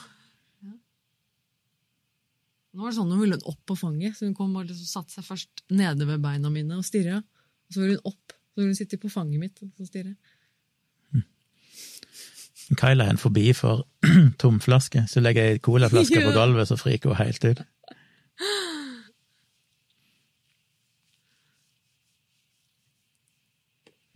Hva er det for noe? Anomi spør har dere to tatt en av de MBTI-testene. Hva syns dere om dem? Hva er det for noe? Jeg vet ikke hva det er. MBTI? Aldri hørt om. Jeg, nei, hva Å ja, det er de der hva- hva- hva- De der som er sånn derre Hvor du får sånn hvor du får sånn ordforkortelse Nei, sånn bokstavforkortelse-tull som alle står på Mm. Tinder og sånn, så bruker alle den der. ja, den har vi jo tatt. Vi fikk jo den samme. Jeg har tatt mange av de opp gjennom tidene, men jeg husker jo aldri hva jeg får, jeg. Ja, Jeg husker vi gjorde det da vi var i Bergen, for da begynte hun venninna di å snakke om det. Da tok vi den. Men Du tok den først, og så fikk Ja, du The Architect. Og så tok jeg den etterpå, og så fikk jeg også The Architect. Som visstnok er sånn en av de liksom som ingen får. Da ble vi litt sånn ja ja, ok. Da er vi i hvert fall unike sammen. Hvis det er Maya Briggs du tenker på, så har vi jo tatt de, men eh, Det bare det blir jo regna som basically astrologi, tror jeg. Det er jo Ja. relativt lite seriøst. I motsetning til Big Five, som vil bli sett på så mye mer skikkelig. Som er jo et tatt. Men det må vi jo snakke om i dialogisk, vel. Både Meyer Briggs. Vi snakket litt om det når vi hadde Jan Ole Hesselberg som gjest i en gammel episode. Da var vi innom de forskjellige testene litt. ah, ja, sant det. Og han var vel òg enig i at eh, den Meyer Briggs Myers-Briggs, eller er det Meyer-Briggs Jeg husker aldri. at det egentlig var temmelig useriøst og er litt sånn astrologi der du nesten kan få hva som helst, og alle kan kjenne seg igjen i litt av hvert. Men det er jo moro. Jeg elsker sånne tester som skal finne ut et eller annet om meg sjøl. Ja, det er gøy. Føler jeg lærer en del. Jeg føler jeg lærte en del av meg sjøl når vi tok Jeg har tatt Big Five. Jeg har tatt den to ganger i sånn formell sammenheng. Den ene gangen var jo da vi hadde den egne podkastepisoden, den live-episoden ifra eh, Grims Nei, hva var det? Kragerø. Fra Filosofifestivalen. Mm. Da ble intervjua av en psykolog. De hadde tatt den fulle, nei, fulle Big Five-testen, og han gikk gjennom den sammen med oss. Og så tok vi han igjen når vi hadde Ja, nå må jeg ikke si feil navn, men en eller annen sånn rekrutteringsfirma Oh, ja. Jeg trodde jeg som si sponsor. Nei. Han som du heller aldri husker navnet på. Vi hadde et eller annet rekruttering, sånn jobbrekrutteringsfirma som eh, sponsor, Ja, stemmer og når du søker eller melder deg der, som, så kan du ta blant annet, eller du kan betale for å få den der Big Five-testen. Og så bruker de den da til å finne passende jobb til deg og sånn. Så da tok man på nytt, i en litt annen versjon. Og så er jo Dag tatt han enda en gang til når han var med på Sånn er du, med Harald Eia og han der Dudiballen, Nils Brenna. Nils Brenna. Du til ball. God kveld, Håvard. Thomas syns hodeskallen min er creepy. En fake hodeskall, den som jeg har bak dem. Den er jo ikke creepy, det er den som er i stua som er creepy, for den er jo ekte. En ekte hodeskalle i stua, men denne her er bare plastikk. Kjøpt på Science Museum i London. Thomas skriver jeg er ikke sikker på om Big Five er så pålitelig. Hege Storhaug skårte bra på den som sympatisk menneske, bare som et eksempel. Tror den testen er lett å lure. Ja, det er vel lett å lure alle tester. Men du må jo svare ærlig, det er på en måte fundamentet, så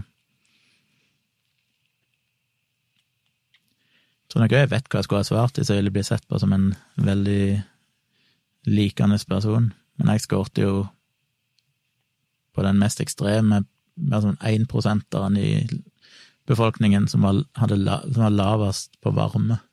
Ja. Men du er jo ikke et menneske som utstråler varme. Nei. Det er du ikke. Selv om jeg vil jo påstå at jeg som kjenner deg, så er jo du et ekstremt varmt og godt menneske. Men, men det er jo ikke det første du tenker på, er liksom så 'Å, han var så varm og god' når du møter deg, liksom.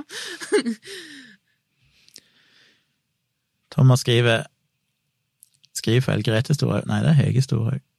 Hvis det er samme person, Hun har Human Rights Service. Mhm. Men du kunne prøve å bli med i Harald Eias podkast, du svarer sikkert ærligere. Ja, jeg hadde ikke sagt nei hvis jeg hadde blitt invitert, men jeg tror ikke jeg kan gjøre så mye annet enn å håpe og krysse fingrene på at de skulle finne på å invitere meg. Jeg tror ikke jeg er kjent nok navn til at de ser på det som så interessant. Sindre skriver hatt Oddvar Stenstrøm som gjestevert når dykk har de dykk er veldig uenig med, kanskje, som en nøytral tredjepart. Ja, kanskje det. Anomi skriver ja, jeg satte meg jo ned og leste om de fleste typene og hele konseptet, syns at folk med personlighetstypen i Tinder-bioen er mer turn-on enn folk med stjernetegn, da. Ja, det er jeg enig i. det er bare så vidt. Men jeg håper jo alltid Jeg tror aldri jeg er matcha med noen som har en personlighetstype, men jeg må nesten ikke gjøre det, for jeg kommer jo til å begynne å kverulere på at det er jo klart det der er bare astrologi. Og... Ja. Det er liksom bare noe med at hvis du skriver det i Tinder-teksten din, så er det liksom som om du tror at det faktisk betyr noe, da. Føler jeg. Og da blir, da blir det sånn, nei. Ja, eller at ikke forventer at Da er det ikke interessant for meg uansett, på en måte. det kan, Jeg mener, skal det ha noe- her, men altså sånn Skulle det hatt noe betydning for meg, så må jeg jo google det, for det er ikke sånn at jeg går rundt og husker at å ja, INTF, ja, det er sånn, ja. Ja, nei, det er også et poeng. Olav skriver at jeg må bare si at livet som bonde har blitt betraktelig bedre etter at podkast kom. Hadde vært et helvete å måtte lytte til radio igjen. Ja, det skjønner jeg. Ja, Det er sikkert en av de som liker lange episoder, satser vi på. Ja, jeg er også en av de. Anomi sier Big Five, husker jeg ikke hva jeg skårte på. Nei, Big Nei, Five fins jo i Det, Det fins jo en del sånn åpne Big Five-tester, men den der som er sikkert noenlunde like gode. Men den vi tok når vi hadde spesielt han Sondre Ikke Sondre Bratland, men Sondre Risholm Liverød. Risholm Liverød, psykologen, eh, webpsykologen, som han kaller seg. Han er flink. Når han eh, hadde dere som, eh, eller når vi inviterte han som gjest til å sitte og analysere dere det var jo litt sånn av du-opplegg, egentlig, i, på, i dialogisk i en gammel episode. Så fikk vi jo den, på en måte den virkelige Big Five-testen som du normalt må betale for å liksom logge inn et eller annet sted for å få tilgang til. Mm. Og fikk jo tilsendt et helt hefte etterpå med analyser, og, for det er jo ikke bare de, liksom de fem kategoriene, så er det masse underkategorier, og så er det beskrivelser og grafer og tall og scores og ikke måte på. Jeg husker heller ikke hva jeg skårte på den, det er jo så mange forskjellige Nei, det er jo faktorer. sykt mange under, sånne underkategorier og ja, alt, helt umulig å huske alt. Thomas skriver du utstråler kanskje ikke ekstrovert varme ifølge den personen, men du er en vennlig person. Slike tester kan derfor bli for analytiske, de favoriserer utadvendte overfladiske mennesker, og er mye brukt av næringslivet. Innadvendte, omtenksomme mennesker kommer da dårligere ut, enda det er de som burde vært ansatt, ikke de utadvendte partyfolkene. Jeg mente ifølge den testen, men so what, vennlighet er viktigere enn påtatt ekstrovert varme. Ja, men jeg tror også den som mange annet, altså den testen som mye annet er Det er så åpent for tolkning likevel, for hvis du skal ha en sånn test, så Jeg tenker jo at eh, på den måten Harald Eia og Nils Brenna snakker om den og resultatene i den podkasten deres, så syns jeg de gjør det veldig bra. Fordi de har en viss forståelse om hva som menes med visse ord og uttrykk og sånn. Og de vet også at selv om du har høy score på den, så betyr ikke det nødvendigvis at du er sånn eller sånn. Eller, for det, er noe med at du må liksom skjønne litt hvordan, er, hvordan sammenhengen er. Da. Mens når det f.eks. som Thomas sier her, at det blir brukt eh, i næringslivet. Det syns jeg også er eh, helt idiotisk, fordi at de fleste som jobber i næringslivet og har sånne tester for å ansette folk, f.eks., de, de har kanskje noen kriterier som de bare ser etter. De ser etter, altså for eksempel, som Thomas sier, og, altså, at de ser etter en som er ekstrovert. Da. Og så er det sånn, ja, men selv om du er ekstrovert, så betyr ikke det nødvendigvis at du er den perfekte ansatte. For det, liksom, det kommer seg an på balansen, og det kommer an på veldig mye forskjellige fasetter. Så det er liksom noe med hvordan man tolker den, og hvordan man bruker den. Og jeg syns det er veldig sånn jeg, synes, jeg, jeg, tror det er et sånt verktøy som kan som er, Det er nettopp det det er. på en måte. Det er et verktøy. da. Så det kan, det kan brukes på en god måte, men det kan også misbrukes og misforstås veldig fort. Og jeg tror kanskje at det har ingenting i næringslivet og sånn ansettelsesprosesser å gjøre. Det syns jeg er litt sånn Ja, det har jeg mine meninger om. Men ja. Jeg skjønner vel hva Thomas mener, men um, Ja, ja, absolutt. Ja. Jeg husker iallfall på den Big Five-en vi tok med Sondre, så skåra jeg jo veldig lågt vel på hovedkategorien, på en måte varme. Hva er det hete, den kategorien? Men, uh, men det var jo noen underkategorier der jeg skårte høyt på, mener jeg som nyanserte det. Så Hvis du bare ser på totalen, så kan du få feil inntrykk. Men... Ja, for det er jo det. ikke sant? Det er jo det med tolkning. Altså, kunne ja. lese, det, lese resultatet er jo like viktig som å ta testen. Altså, En test har ikke vært en dritt, med mindre du vet hva den betyr. ikke sant? Så det er jo... Men det er jo det klassiske med firma. De skal ha noen som er Et firma vil jo ofte basically ha en, nesten en psykopat, sånn etter kriterier. Ja. noen som bare kjører på og liksom gjør alt de kan for firmaet. Tenker bare på jobben og ja. Ja. sier ja til alt. Ekstravert og elsker alle. Ja, nei, det Jeg har aldri i mitt liv søkt på en jobb, tror jeg. Sånn skikkelig jobb. Så jeg har aldri vært i en sånn Jeg har aldri i mitt liv vært søkt på, Jeg trodde du skulle si du har aldri søkt på en jobb som har sånn test, men du skulle faktisk si aldri søkt på en jobb. Punktum. Ja. ja, jeg har hatt noen småjobber, men det var mer sånn folk hanka meg inn fordi de trengte en lærervikar, eller de trengte noen til å vaske et sted, så jeg har tatt vaskejobb, og så har jeg liksom Eneste jobben jeg og Jeg søkte på én jobb, og det var som fritidsklubbleder i Sirdal kommune. Tilbake i 1994. Da jobba jeg et år som det. Og så ellers jeg, så jobba jeg jo på musikkskolen, men jeg kan aldri helt huske om jeg søkte på jobb der, eller om det var mer bare sånn at uh, vi, vi, trenger noen. Så ja. hvis du kan gjøre den jobben, så er det greit. Jeg har søkt på, jeg har søkt på, jeg har søkt på mange, mange mange jobber i mitt liv. Uh, men uh, jeg har også liksom søkt på et par stillinger hvor jeg har fått i svar, sånn automatisk svar at du må også gjennomgå denne personlighetstesten for å komme videre i ansettelsesprosessen, og da har jeg bare sånn nei, sorry. Uaktuelt. Ja, jeg er jo temmelig skeptisk. Nei, det er bare det er helt uaktuelt. Jeg vil ikke jobbe for et firma som bare plukker ut folk på den måten i form av sånne tester. Det har jeg ikke noe tro på i det hele tatt. Olav skriver, som andre har gjort før han, at Espen Ottesen kunne være interessant å høre til dialogisk. Tror dere kunne hatt en interessant samtale til tross for stor avstand. Hvem var det igjen? Han der eh, kristne duden Kommer ikke på hva han egentlig er for noe. Det er så mange kristne duder. Ja, jeg er iallfall ganske uenig om mye, så han ja. kunne jo vært en for så vidt en interessant person å ha. Ja. Um, Ivar spør har dere lest boka til Thomas Eriksson om mitt av idioter'. Nei, men det er noen som har tipset meg om den før òg, så kanskje jeg burde vurdert det. Ja, jeg så den, den har ligget veldig mye på sånn bestselgerlist og sånn, i, både i både i sånne lydbokapper og i bokhandel og sånn. Da blir jeg med en gang litt sånn eh, jeg vet ikke. når ting blir altfor Æsj, han er populær. Ja, men når ting blir litt for hypa, så har jeg en tendens til å miste litt interessen.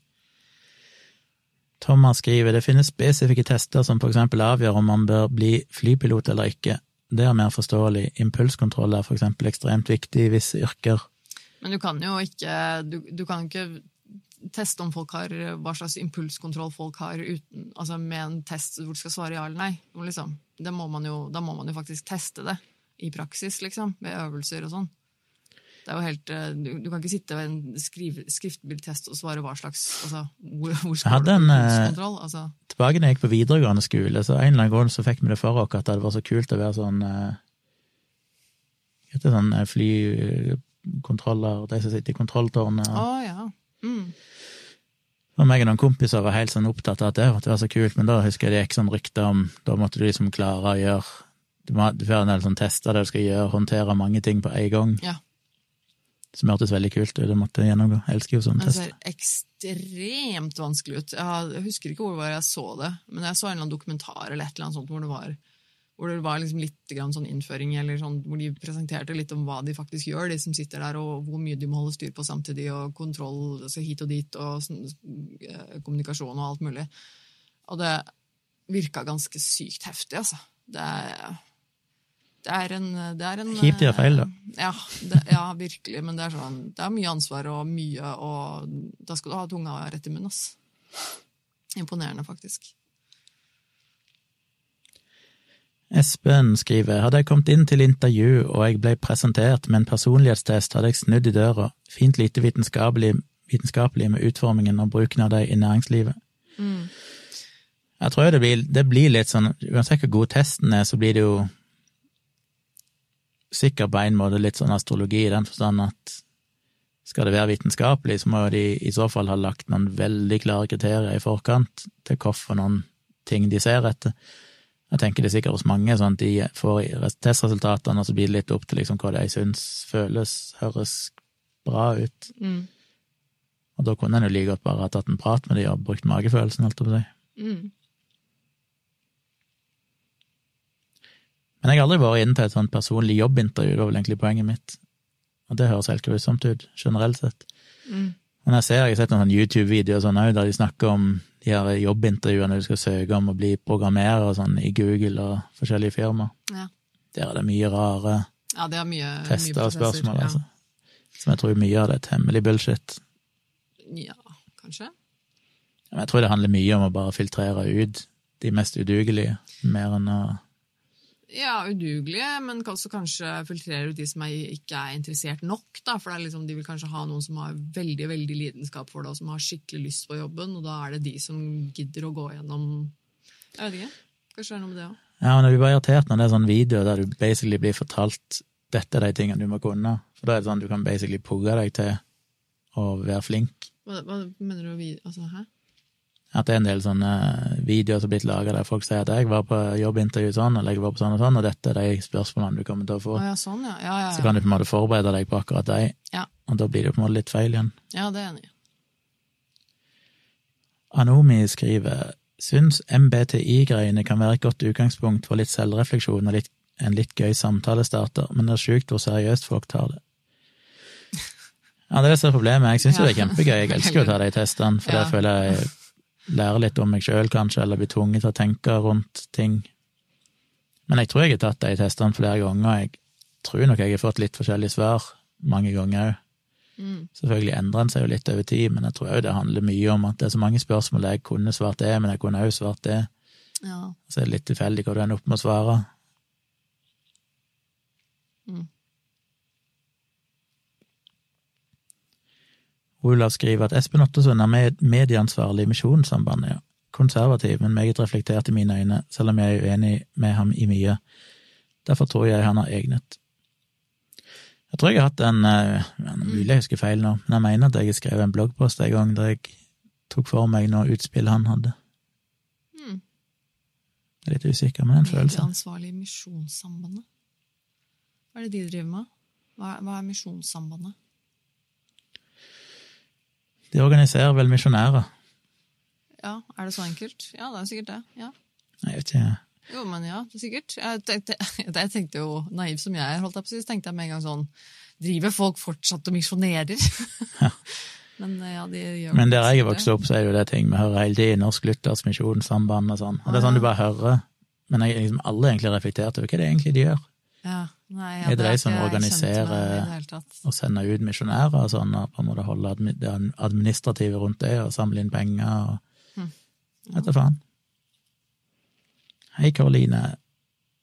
Hei, Karoline. Oh, kom på nå. Hvor lenge holder dere på i kveld? Det vet vi aldri. Så lenge vi føler det skjer ting. Ja. Apropos eh, kaffe. For en, Ber meg om å gå og lage kaffe nå, eller? jeg vurderte det. Skal jeg gå og lage kaffe? Men jeg ble så sjokkert når jeg oppdaga at uh, denne Hario-greia, hva heter det? V60? Er det det som er V60? Nei, Hario er et merke. Altså en produsent, liksom. Men det er det som vi har, bare en sånn karaffel i filter i toppen. Chemex. Ja, Chemex, ja. Ja. Det er så rart for meg at de er forskjellige ting. Det ser jo basically ut som akkurat samme tingen. Jo, men det er jo basert på samme bryggemetode. Ja. Ja, Så en video der de testa liksom Lage en kopp kaffe med vanlig Chemex og en med en Hario-greie. ja, Så tenkte jeg hæ, ikke det samme greia?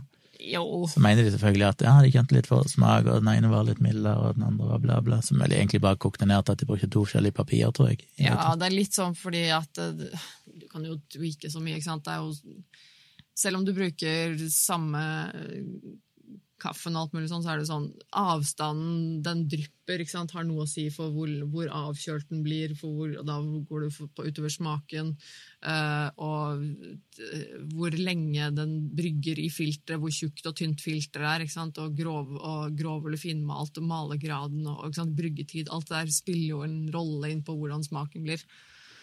Men altså, i utgangspunktet så er jo en V60 og en KMX det er jo, det er jo samme bryggemetode. Så det er jo sånn nerderi som er gøy for nerdsa. Tror du har sett flere videoer nå om aeropressen, og alle teknikker du kan bruke for å lage Ja, den er morsom, den, altså. Så var det en som lagde en video som Skikkelig dårlig video, men alltid gøy med folk som lager en ganske dårlig video, men de har tydeligvis truffet et eller annet tema som folk vil ha. Så han hadde liksom sånn 1,7 millioner views eller et eller annet. Oi, yes. Men han satt bare i en sofa med ganske dårlig bilde, en dårlig kamera, ikke noe lys eller noen ting, og bare sa at han var en kaffenerd, og han hadde lagd kaffe på mange forskjellige måter. Han kjøpte en Aeropress for lenge siden, men hadde egentlig aldri følt han fikk til noe god kaffe med den. Så han hadde gitt litt opp. Men så hadde han oppdaga ei nettside der de legger ut oppskriftene på alle som vinner sånn Aeropress World Championship-greier hvert år. Ja. Og så hadde han begynt å teste de, og så hadde han prøvd å finne seg noen fellesnevnere for hva, liksom, hva er det egentlig som går igjen i de oppskriftene. Og han mente jo for eksempel, en av de tingene som gikk igjen, var at en sånn vanlig oppskrift sier ofte ja, rundt 15 eller et eller annet sånn gram kaffe er det du ofte hører. Men så nesten alle de som vinner championship-greiene, så er det 25-30 gram de bruker. Det andre var at eh, du normalt blir fortalt at du skal male det temmelig fint, bønnene, mens i nesten alle oppskriftene som vinner, så maler de den nesten så grovt du kan. Og så bruker hun vel alle som er vunnet omtrent, tror jeg, bruker den der opp-ned-metoden, der det er full kontroll på bryggetida. Du du si det, det er jo faktorer som på en måte utjevner hverandre litt, da. Fordi hvis du har Ja, grov kaffe gjør mye av det, så utjevner det ikke Ja, altså hvis du, har, hvis du har veldig grov kaffe, og likevel har mye mengde kaffe, så vil det tilsvare om du har litt finere malt og litt mindre mengde. ikke sant? Så det er jo på en måte sånne, det er jo alt, alt er Men han mente jo det at etter at han begynte å bruke mye mer kaffe og alle de der tingene der, så begynte han endelig å få kaffe som han syntes var god. Ja.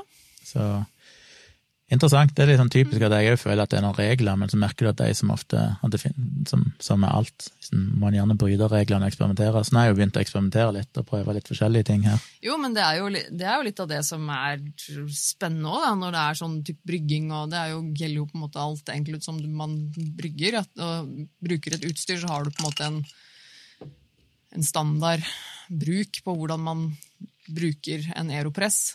Men så utover det så kan man jo trikse og tilpasse det som man vil. Men så fancy pleier jeg ikke å være når jeg lager kaffe til oss om morgenen. Eh, både fordi at eh, om morgenen så er vi begge to ganske trøtte og er ikke så kresne på hvordan, akkurat hvordan kaffen smaker, tror jeg, når vi akkurat har våkna. og så eh, er det noe med at jeg er ikke så snobb at jeg gidder å bruke liksom ekstra tid og energi på å liksom snobbe med den kaffen når jeg bare skal ha to kopper. liksom. Det Så en er- video av Tim Wendelboe. smaker godt, så ja. Så en video der Tim Wendelboe lagde kaffe med europressen og sa sånn skal du gjøre det. ja. Var det sånn Han som du lagde det vel temmelig uh... Han hadde vel mer bønner. Jeg husker ikke hvor mange gram han hadde nå. Men det, det er temmelig potensiøst når det er sånn Når du tømmer i kaffen, så starter du timeren. Og så er det ikke snakk om sånn 30 sekunder, men det er liksom 32 sekunder. Ja. På 32 sekunder skal du begynne å presse, og den pressinga skal vare akkurat 27 sekunder, et eller annet sånt. Ja. Men det er jo Men, det, men altså eh, Det må sies. Tim Mendelboe, det er jo prensiøst, pretensiøst. Men mannen er flere ganger verdensmester, så da sier det seg jo selv at han, han er jo nerd på et litt annet nivå. Men, eh, men jeg syns jo det jeg skjønner det jo. Altså, jeg er jo veldig lært opp til det med at når jeg lærte å lage kaffe på espressomaskin, eksempel, så er det jo eh, Også der er det jo eh, en viss måte man skal gjøre det på. eh, altså for når du, du skjønner hva jeg mener, en espressomaskin, sånn store som de har på kafeer og sånn, eh, så er det jo en kaffe som skal males i en viss malingsgrad, som skal stemme. Du skal ha så og så mye kaffe oppi den bajonetten, som er den du setter inn i maskinen. Eh, og det skal tampes også til en riktig pakning, pakning holdt jeg på å si, sånn at det blir riktig pakket sammen, ikke for hardt, ikke for løst. Eh, sånn at når du da setter den i maskinen, og eh, vanntrykket og vannet går gjennom kaffen og ned i espressoen, så skal den renne på en viss eh, måte og så og så lenge. Da er det også snakk om sekunder. altså Det skal være mellom eh, Mellom helst da mellom hva, altså, ja, hva blir det? Nå er det nesten så jeg ikke husker det engang. Det blir så mange år siden her. Eh, 23 til 27 sekunder, liksom. Da er du innafor. Og så er det liksom noen som har på en måte perfeksjonert det liksom på sekundet fordi de har finmålt sin egen maskin eller sin egen teknikk. eller sånne ting. For sånne ting jo, sånne ting er jo sånn som du må kalibrere holdt jeg på å si, hver gang jeg kom på jobb, for eksempel, og det var noen andre som hadde stått der. Så har de kanskje endret litt på malingsgraden, eller de tamper kanskje ørlite grann hardere enn jeg gjør. eller de, altså, Det er hele tiden sånne finjusteringer da, som jeg måtte gjøre da når jeg sto på jobb. Så hvis jeg har stått og jobbet på den maskinen noen timer, så når neste kommer på jobb da skal ta over for, for meg, for eksempel, så kan det hende at de liksom syns at oi, her var kanskje ørlite grann for fint, eller grå. Sånn. Så det er veldig sånn Det er en sånn gnukke, gnukkekunst. Jeg merker at jeg har skrudd feil hele tiden. Jeg har skrudd opp deg, så jeg har skrudd opp meg, og så har jeg skrudd ned deg, så jeg har basically bare ødelagt alt. Nei! Så vi bytter bytta mikrofon, så jeg er helt sur. Ja, okay. Nå har jeg fiksa det, så nå er vi, Ja, ja. Det tok litt tid, da, men jo forhåpentligvis lyden din litt høyere. ja, men det er helt fint, det.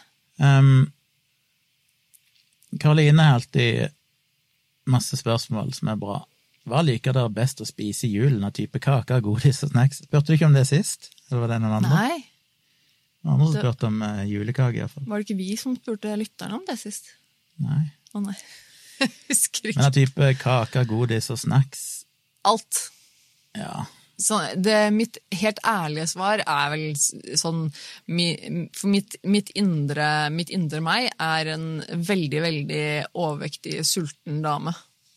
På en måte, Skjønner du hva jeg mener? For at jeg elsker jo egentlig alt som er godt, og ah, spesielt kaker og godteri og alt Jeg- med sukker i. Jeg er Eh, eksternalisert. Mitt indre jeg.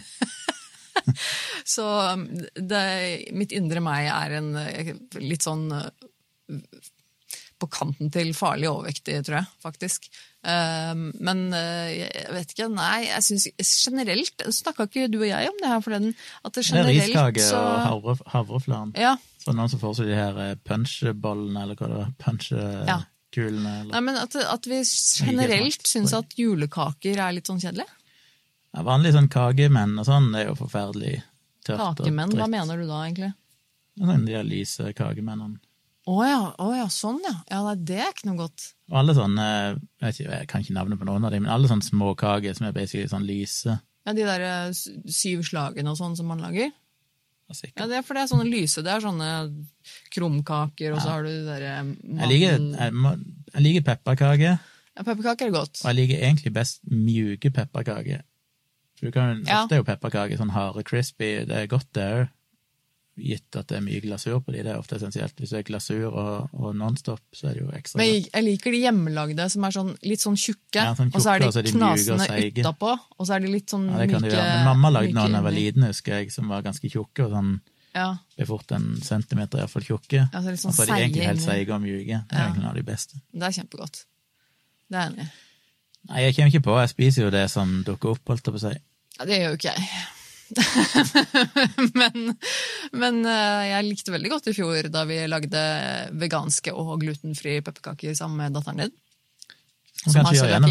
Eh, Så det var, veldig, det var veldig koselig. Det tenkte vi skulle gjøre igjen. Enten det eller å lage sånne risboller, var ikke det så? Sånn sjokolade med puffa ris. Ja. Greier. Sånne Det enkle. skal vi lage.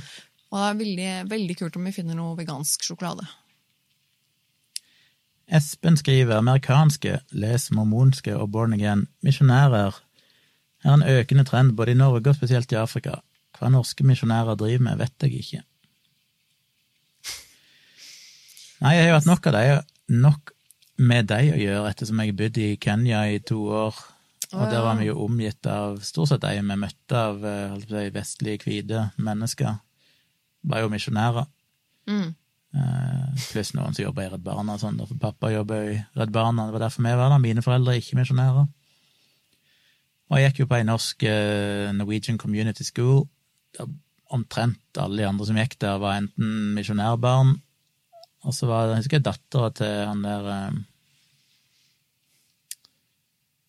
Å, hva er han heter, han NRK-korrespondenten i Afrika i alle år? Er han død nå?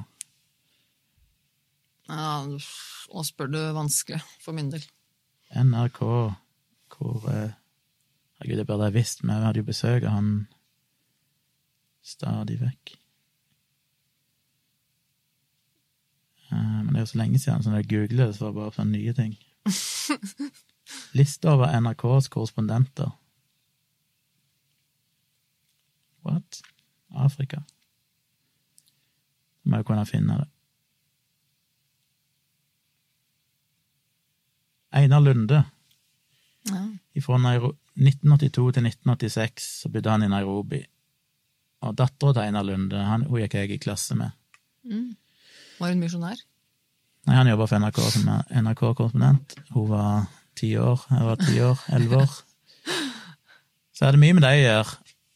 Og det ble jo en stor sak etter at vi kom hjem igjen, for vi bodde jo på den skolen Eller vi bodde ikke på skole, men det var jo primært en sånn internatskole der de aller fleste ungene der var jo misjonærbarn. Og foreldrene var misjonærer og reiste rundt i Afrika og egentlig bare plasserte ungene der, og så så de de sånn to ganger i året. Som jeg syns er helt horribelt, å bare reise ifra ungene sine når de er sju, åtte, ni, ti år gamle. Fordi Ja. det er viktigere å tjene Jesus enn å faktisk være med ungene sine. Så de fleste ungene der bodde på internat, men så var vi en liten gjeng som tok skolebuss hver dag. Så den kjørte liksom innom de forskjellige husene og henta og leverte oss, inklusiv datter Einar Som jeg alltid husker når vi stopper ut forbi det huset hennes, for det sto NRK, og det syntes jeg var så stas. Um, og det var jo greit nok, og vi merka ikke noe når vi var der, selv om jeg husker jo at det var jo ekstremt kristenkonservativt. Jeg kan ennå huske den ene En av de få tingene jeg husker. Det er to ting jeg husker. Tre ting. Det ene er at jeg var så ekstremt sjenert når jeg begynte på den skolen, at jeg, det tok tok noen måneder før jeg begynte å være med de andre. Og det eneste jeg gjorde, var hver eneste friminutt så gikk jeg inn på biblioteket og fant meg ei bok, og så satt jeg et eller annet sted og leste. Så jeg satt bare helt alene og leste, og så kom alltid læreren bort og spurte liksom, går det bra med deg. Men det var, koste meg jo, jeg. Jeg syntes det var helt topp, det. Mm. Men det tok ganske lang tid før jeg endelig turte å leke med noen andre unger der. Eh, Så husker jeg òg at det var en gang i en time jeg begynte å Vi kom inn på temaet evolusjon, og pappa er jo biolog, og jeg har jo lært om evolusjon siden jeg var nevestor. Så jeg begynte å snakke om evolusjon, og så begynte alle de andre i klassen å le. Og det var liksom det dummeste jeg hadde hørt. Kan jeg ennå huske han ene sa liksom Han var så teit, var liksom sånn at ei skilpadde plutselig fødte en kanin, liksom. Det var jo helt idiotisk. Og, og jeg bare nei, nei, nei, det er ikke sånn det fungerer. Så det var litt nivået der. Det var liksom unge og kreasjonister, basically hele gjengen, som trodde at jorda var skapt på seks dager, og sånn var det.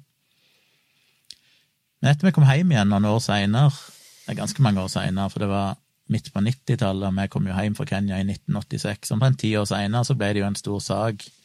Hvis det er noen som er gamle nok her, så husker dere det kanskje, men det ble jo Jeg husker ikke helt hva det var, men det var vel noe antydninger til noe om det var både litt sånn mishandling i forstand at de ikke var med foreldrene sine, men òg antydelser om noen seksuelle overgrep og sånn mot jentene der, av de som jobba der. Mm. Jeg husker det var en stor sak i avisene. Jeg husker at vi fikk tilsendt et spørreskjema, vi som hadde gått der på den tida, Ja. masse spørsmål ifra, det var vel ifra Norsk Lytters Misjonssamband eller et eller annet sånt, som måtte svare på. Jeg svarte jo egentlig at det hadde vært greit, for jeg, jeg bodde jo ikke på internatet, og sånn, så jeg hadde ikke sett noen ting Mm. galt skje. Nei. Men uh, ja. Og da endte det vel opp, og så ble det en stor behandling og mediegreier og sånn, og så kom de vel til slutt ut med en konklusjon der de vel egentlig konkluderte med at de skulle endre praksis og ikke ha det sånn lenger at foreldrene reiste vekk fra ungene sine i så lang tid, og en del andre ting. Ja, det er ganske drøyt. Så ja, hva de driver med, er et godt spørsmål. Jeg tror jo de gjør mye bra, det er ikke det. Altså, jeg tror jo misjonærer gjør mye sånn bistandsarbeid som er viktig, men de gjør jo mye som er totalt unødvendig. Um, Karoline skriver apropos kaffe, vet dere om det er sant at fett i kaffe som ikke er, som ikke er pulver eller traktekaffe, er skadelig? Jeg skjønner ikke helt hva hun sikter til. Eh, Altså, kokekaffe er det jo mye fett i, for det filtrerer du ikke ut. Du filtrerer ut ganske mye når du bruker kaffefilter.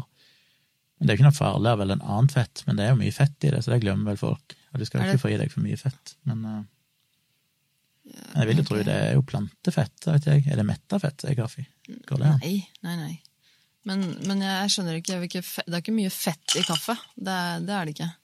Det var en del snakk om det, at hvis du drikker mye kaffe og koker den, så får du i deg ganske mye. Jo, men det er ikke jo, nødvendigvis er bra. ja, men det er jo fordi at det ikke er Det er jo koffein og alt mulig andre ting òg. Det er jo ingenting som er sunt hvis du får i deg masse av det uansett. Men uh, jeg har ikke hørt noe om det der at fett i kaffen skal være usunt. Da tenker jeg at da må du ha i deg mye kaffe, ass. Jeg vil jo tro det, men det er allikevel en forskjell. Det er ikke noe Altså, det Ja, ja, mye altså- kaffe og koffein og sånn er jo ikke dokumentert farlig før du kommer opp i temmelig store mengder, men Nei, nei, fett er jo liksom farlig. Hvis du, hvis du drikker kaffe med, gjennom et filter, så er jo det ansett som sunnere. Det er mer korrekt. Fett er Eh. ikke farlig, men feil mengde fett i forhold til andre ting er uheldig. For googla det, Karoline. Jeg har ikke noe svar. Erik Arnesen er ikke her i kveld. Han pleier å være her. Han er jo eh, ernæringsekspert, så han kunne svart deg. Hvis han er her og gjemmer seg, så får han svare. Anomi spør hvordan klarer dere å sove når dere drikker kaffe rundt midnatt. Jeg er fordi helt immun mot uh, koffeinrespons, rett og slett. Jeg merker heller ikke noen ting til det. Jeg kan drikke kaffe når som helst. Og Ja, nei, jeg har aldri egentlig merka noe, eller i hvert fall ikke på mange år. Eh, Jeg er ikke noe sånn som våkner av å drikke kaffe. Jeg drikker ikke kaffe om morgenen fordi jeg våkner av det. Det er vel egentlig mer fordi jeg syns det er godt. Koselig og deilig å liksom våkne og ta en kopp kaffe på senga, liksom. Men eh, nei, jeg kan drikke kaffe når jeg vil. Jeg merker egentlig ikke noe. Jeg får, det er ikke noe sånn at jeg blir våken av koffeinen, egentlig. Jeg tror nok jeg har eh, Enten så har jeg en sånn type kropp som bare tåler koffein litt for godt, holdt jeg på å si, eller så har jeg drukket kaffe så mye i livet at jeg har vent meg av med det. Det er en av delene. ja. Jeg er sikkert òg herda, for jeg har drukket cola i hele mitt liv. Så jeg har alltid fått i meg en del koffein derifra. Ja. Jeg begynte å drikke kaffe, så ble det litt ekstra, men Men jeg var nok ganske herda i utgangspunktet. Anomi skriver du kan bli så flink, flink du bare vil til å brygge kaffe, men noe av det viktigste, rens kvernet en gang iblant. ja. Oi, da fikk vi en downvote. Det er noen som ikke var fornøyd med kaffepraten. Oi, oi, oi. Jeg stoler på at eh, Tone renser kvernet en gang iblant. Ja, det er ikke ofte jeg gidder å gjøre det, men eh, jo da, en gang iblant så kan man jo fjerne litt rester. Det kommer litt an på hva slags kvern du har òg, selvfølgelig, men du skal helst ikke drive og Ja. Det kommer litt an på hva du mener med rense. Men du skal, ja. Mm. Ivar skriver om noe som heter for seafood diet. Det høres ut som meg. All maten jeg ser, spiser jeg. Jeg gjør Nei. ikke det. Jeg er ganske flink nå, men inni meg så vil jeg egentlig spise alt. ja inni meg. Karoline spør eh, hvis dere ikke kunne velge Sørland eller Oslo-området, hvor ville dere bodd i Norge? Men ikke Sørlandet eller Altså ikke verken Sør- eller Øst-Norge, da. For da, da vil jeg ikke spesifikt Oslo-området? Ja, men Sør, Sørlandet. og Oslo-området. Sørlandet er veldig hvitt. og Altså, hun mener, er hun mener kanskje liksom sånn for at du for Hvor vi er fra. Kanskje. Ikke noen spesielle preferanser når det gjelder Norge. Nei. Bergen er sikkert hyggelig, men der er det så mye regn og dritt. Og Trondheim høres jo veldig koselig ut, men det er så langt nord igjen. Jeg vil bare ikke flytte lenger nord. For jeg synes det er bare Vi er langt nok nord her i Oslo, syns jeg. Uh, det eneste hadde vært da hvis jeg kunne flytte til et eh, sted i Norge som er litt vakrere enn her. Uh, for det fins veldig mange vakre steder i Norge. Vakker natur og sånn. Som jeg kan godt sette pris på. Men nei, jeg vil ikke, jeg vil ikke, altså. Jeg vil ikke bo noe annet sted i Norge, kjenner jeg. Ikke noe, nei. Jeg kunne til nød bodd eh, litt lenger sør for Oslo. Nærmere Danmark og Sverige. Ja, men vi fikk ikke lov til å velge det. Jeg skrev Oslo-området, det er jo ikke Oslo-området, det. Jeg skrev ikke Østlandet. Sørlandet eller Oslo-området. Ja, men langt sør for Oslo, nærme Fredrikstad Halden. Det er ikke Ja, den veien, ja. Skal det bli østfolding? Nei, men hvis jeg først skulle bodd et sted, så ville jeg jo lenger sør. Ja, men eh, vi har jo... det er nærme Dan Danmark og Sverige, og det er praktisk. Og... Mine foreldre har jo hytte slash sommerhus i Østfold. Rettere sagt utafor Fredrikstad, og det er jo veldig veldig fint. Fredrikstad er en kjempekoselig by, og det er jo mange steder ute i Østfold også som er veldig koselig. Så. Problemet er at jeg vil helst bo i nærheten av en flyplass, Ah, ja, det er sant. så da er Oslo greit. Eller selvfølgelig ja, Skulle jeg ha bodd en annen plass nå, så er det jo mye som sier at jeg ville ha bodd i Kristiansand, bare fordi der bor dattera mi. Men jeg fikk ikke lov å bo på Sørlandet. Men For meg er jo Kristiansand noe helt annet enn der jeg kommer ifra. Jeg er jo mer Sør-Vestland, og veldig lite sted. Så Kristiansand for meg er jo Det er ikke det at jeg har spesielt lyst til å bo i Kristiansand, men pga. på grunn av familie og sånn, så hadde det vært greit. Ja, Og så er det i det minste en flyplass der, selv om det ikke går så veldig mye fly. ja.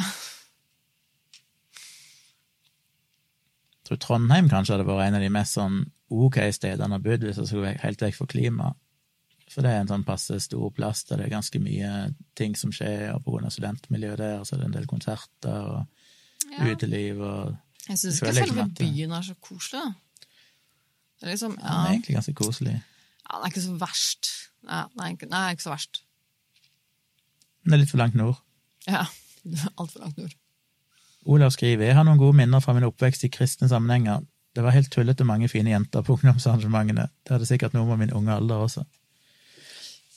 Ja, det er jo samme her. Jeg var jo kronisk forelska i alle, jeg, i den alderen. Ja. Og hvis det var ei jente som snakka til meg, så var jeg jo helt ødelagt i mange uker etterpå, for det var så spennende. Så eh, det er nok mye med alderen å gjøre. Karoline fant ikke så veldig mye konkret når jeg googlet, men Helsedirektoratet advarer mot ufiltrert kaffe fordi det kan føre til økt kolesterol. Ja, det er det eneste jeg har lært om kaffe også, at på en måte i den forbindelse at det kan være usunt, det det der med kolesterol, liksom. Men eh, Presskannekaffe, kokekaffe, espresso og kaffe fra kapselmaskiner inneholder fettstoffer som øker LL-kolesterol, som er det kolesterol som ikke er bra for deg. ja. Presskanne òg, det er jo filter der. Jeg trodde du filtrerte ut en del. Nei, det er ikke filter, det er bare en sånn Skille. eh, Det er jo bare et sånn metall, metallfilter. Ja, det er det jeg kom på du hadde papirfilter. Nei, det er ikke papir, vet du. Nei, det er vel òg en av fordelene veien her, var det Naomi eller sånn som sa det med metallfilter til aeropressen. Mm. Han der Tim Mendelboe, han sa jo at for han var det ett fett, han syntes det var Men en annen video jeg så, der var de veldig tydelige på at metallfilter filtrerer ikke ut fettstoffet så godt, og da får du en litt mer sånn bitter kaffe. Ja. Altså bitterheten lå i fettgreiene. Så papir er bedre til å liksom fjerne fett. ja, ok. Det er jo det jeg har hørt om kapselmaskiner. Det er veldig få som drikker kokaffe, men kapselmaskiner Jeg har jo hørt det om at eh, en av nedturene der er jo fettinnholdet. Thomas, ville vært, ville vært ugreit om den ene tålte masse og var like rolig, mens den andre ble supergira? Ja, vi var heldige der. Det var litt tilfeldig. Vi begge oppdaga at vi var immune mot koffein. Basically. Ja, jeg har egentlig aldri tenkt over det, for jeg jobba jo med kaffe så mange år tidligere. Og da er det jo altså da Jeg gikk jo rundt og drakk og smakte kaffe hele dagen hver dag, på en måte. Egentlig aldri liksom jeg har, aldri hatt en vane Det var liksom da jeg begynte å drikke kaffe. også. Det var da jeg begynte å jobbe med kaffe. Så jeg egentlig, jeg har aldri hatt den der vanen om å liksom skulle drikke kaffe for å våkne. Eh, eller på grunn av liksom, eh, koffeinet. Det har liksom aldri vært en grunn for meg å drikke kaffe. Så jeg, jeg har liksom ikke hatt den vanen heller. Eh, vet ikke om det har noe med det, kanskje. Men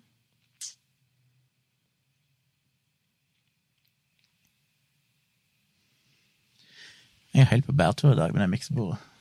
Skru på alt de rareste tingene. Um, Espen skriver 'Flytt til Haugalandet'. Like mye regn som Bergen, langt dårligere kollektivtilbud og en følelse av å være en koloni av både Bergen og Stavanger samtidig. Å, det hørtes herlig ut! Nå frister du.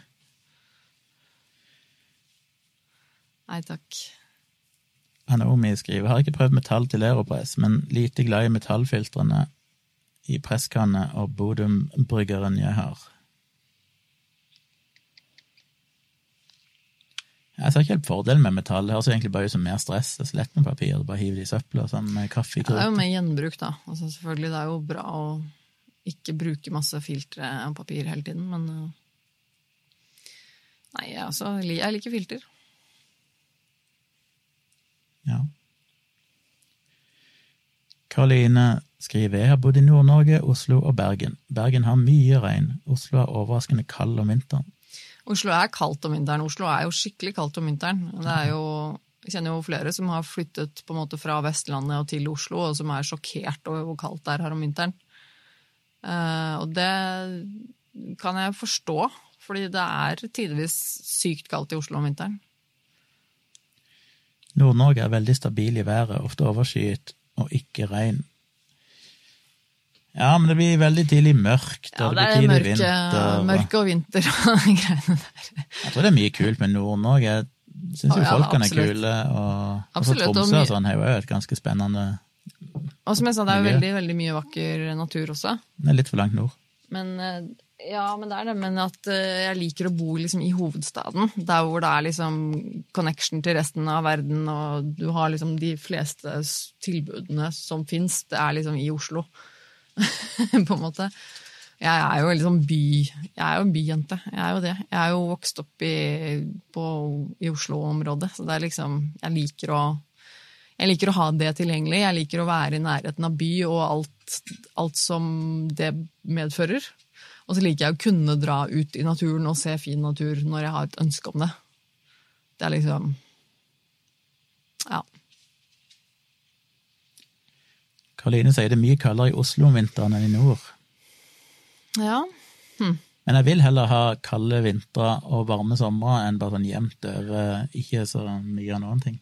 Ja. Ja. ja. Skriver Karoline at jeg tror mange av oss nordlendinger er litt immun mot mørket. ja det er ikke jeg, ass. Nei, så lærte jeg jo noe nytt når jeg var på Svalbard her i høst, for det er tidligere i høst. For de snakker jo om den der eh, Jeg kan ikke hva det heter. Den mørketida de har der oppe.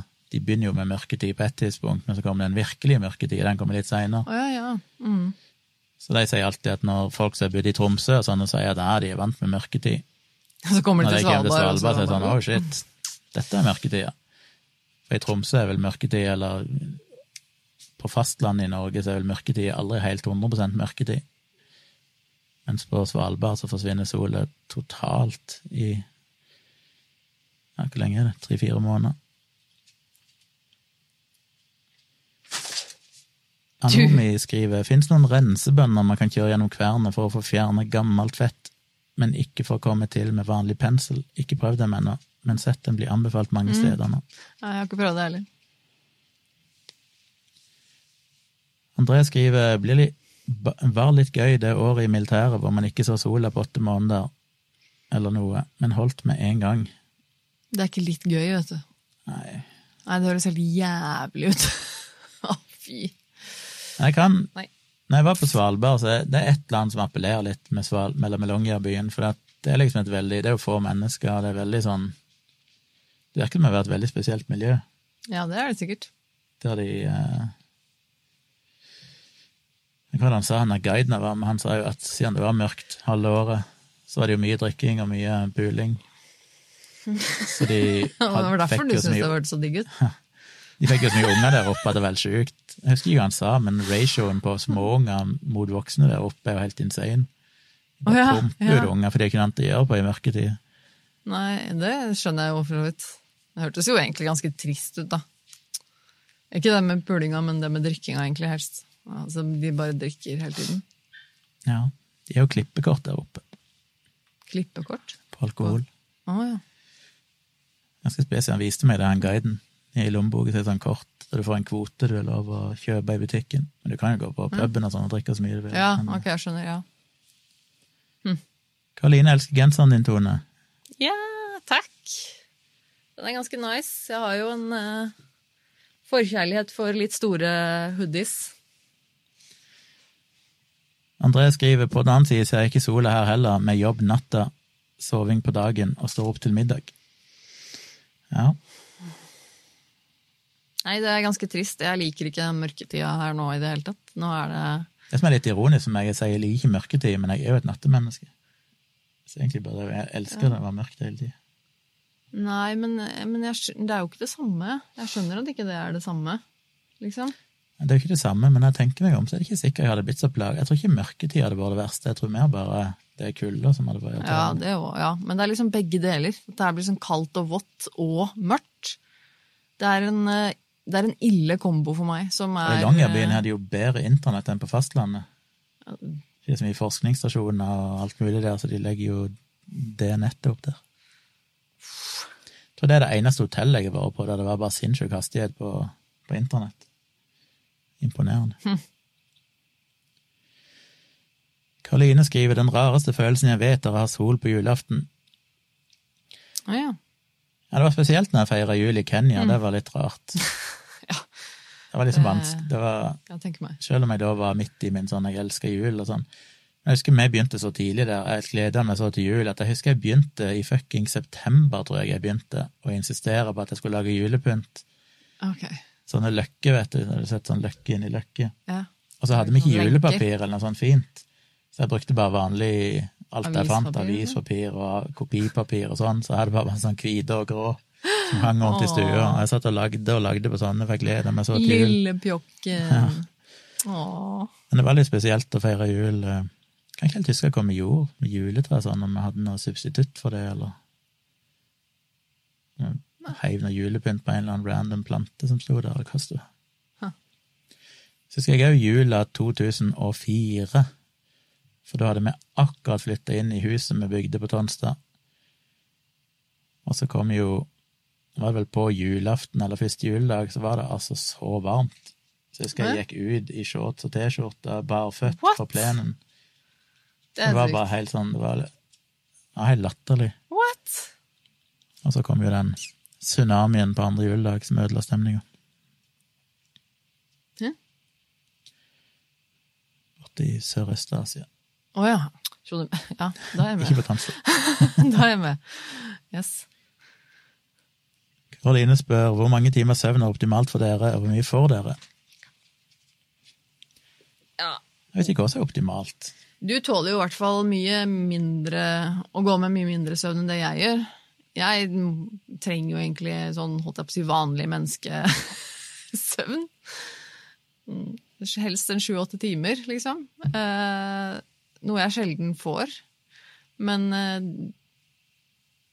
Men du er jo sånn som kan sove liksom fire-fem timer om natten, og så er du egentlig liksom grei dagen etterpå.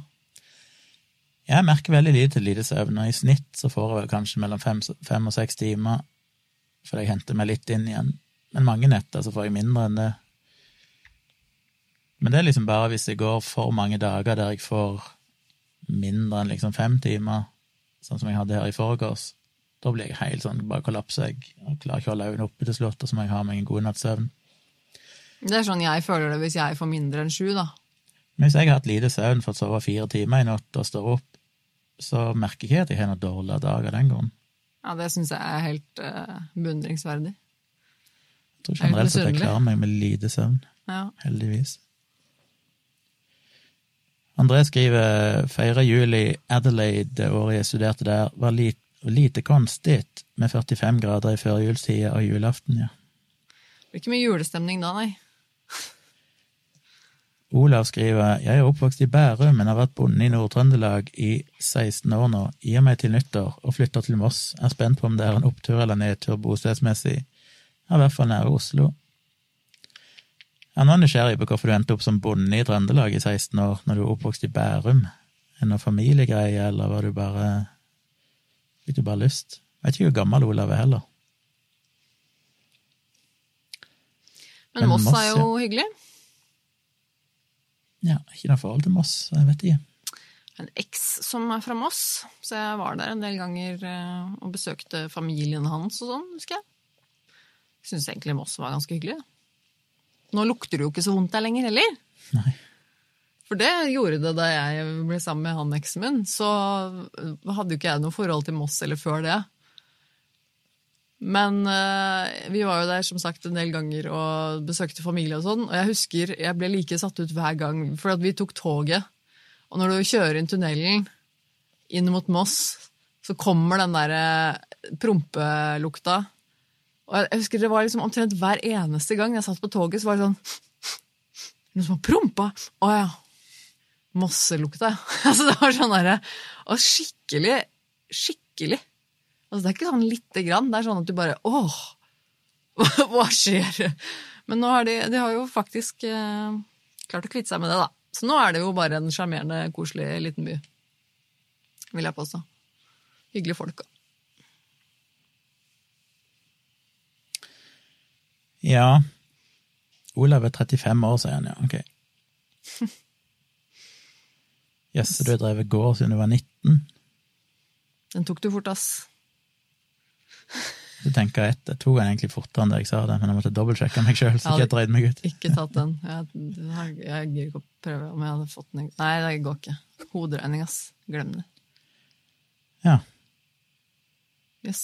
Ja. Jeg vokste opp eh, på gård, holdt jeg på å si. Det er ikke helt sant. Jeg vokste opp med gård. Vi bodde ikke på gården, men vi hadde jo en gård. En, Bodde du ikke på gården? Jeg aldri bodd i Tjomli. Nei, å ja, selvfølgelig. Nei. Pappa vokste opp på gården. Men så bygde jo han og mor mi hus halvannen kilometer ifra gården. Men vi har jo drevet gården så lenge jeg kan huske. Så det var jo gårdsarbeid hele tida. Som jeg, så godt som jeg kunne, prøvde å eh, sno meg unna på alle mulige vis.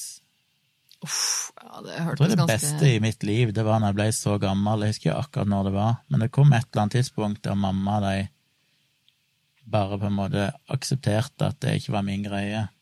Ja. Det må vel sikkert ha vært eh, rundt 20-årene eller sånn. eh, Og de egentlig bare slutta å spørre meg. For fram til da så var det alltid sånn opp og gi sauene, eller opp og gi hestene, eller være med på slåtten, eller Mm. Det kom et eller annet punkt der de slutta å spørre meg, og da fikk jeg så dårlig samvittighet, for da følte jeg meg alltid Det føltes jo så ræva når de bare gikk og gjorde det, og bare innså at jeg ikke ja. Men det var deilig, for da følte jeg endelig at nå er jeg voksen og fri. Nå kan jeg faktisk bestemme sjøl hva jeg ønsker å bruke tida mi på. Mm. Anomi spør sovner dere fort når dere først legger dere. Ja, jeg sovner på et blunk, ja, du gjør det. Du sovner veldig. og det har du jo begynt med, stort sett. Og jeg skulle til å si, fortell, eh, fortell nå. Sovner jeg fort? Ja, du sa jo det før du ble kjent med meg. Det er så rart, altså. Så, Ja, men så er... hadde du problemer med å sove, men etter vi er blitt sammen, så er du bare sånn boff, så sov- sover du. ja, men det er eh, faktisk veldig, veldig stor forskjell. Fordi etter at vi ble sammen, jeg begynte å sove sammen, så eh, sovner jeg veldig fort, som regel. Det er liksom med unntak noen få ganger hvor jeg ikke får sove. Eh, men da er det som regel fordi du ikke ligger ved siden av meg. men hvis du ligger ved siden av meg i senga, så sovner jeg omtrent med en gang. Nesten hver eneste natt. Og det for meg er veldig uvant, for jeg har nesten alltid, så lenge jeg kan huske, hatt problemer med å sovne. Og spesielt de siste åra, liksom. Eh, sånn før jeg traff deg, da, så var, synes jeg det var så var det sånn at jeg kunne grue meg til å gå og legge meg, fordi jeg visste at jeg kom til å slite med å sovne og liksom ligge våken. Og jeg kunne ligge våken i flere timer uten å få sove og nærmest bli gal.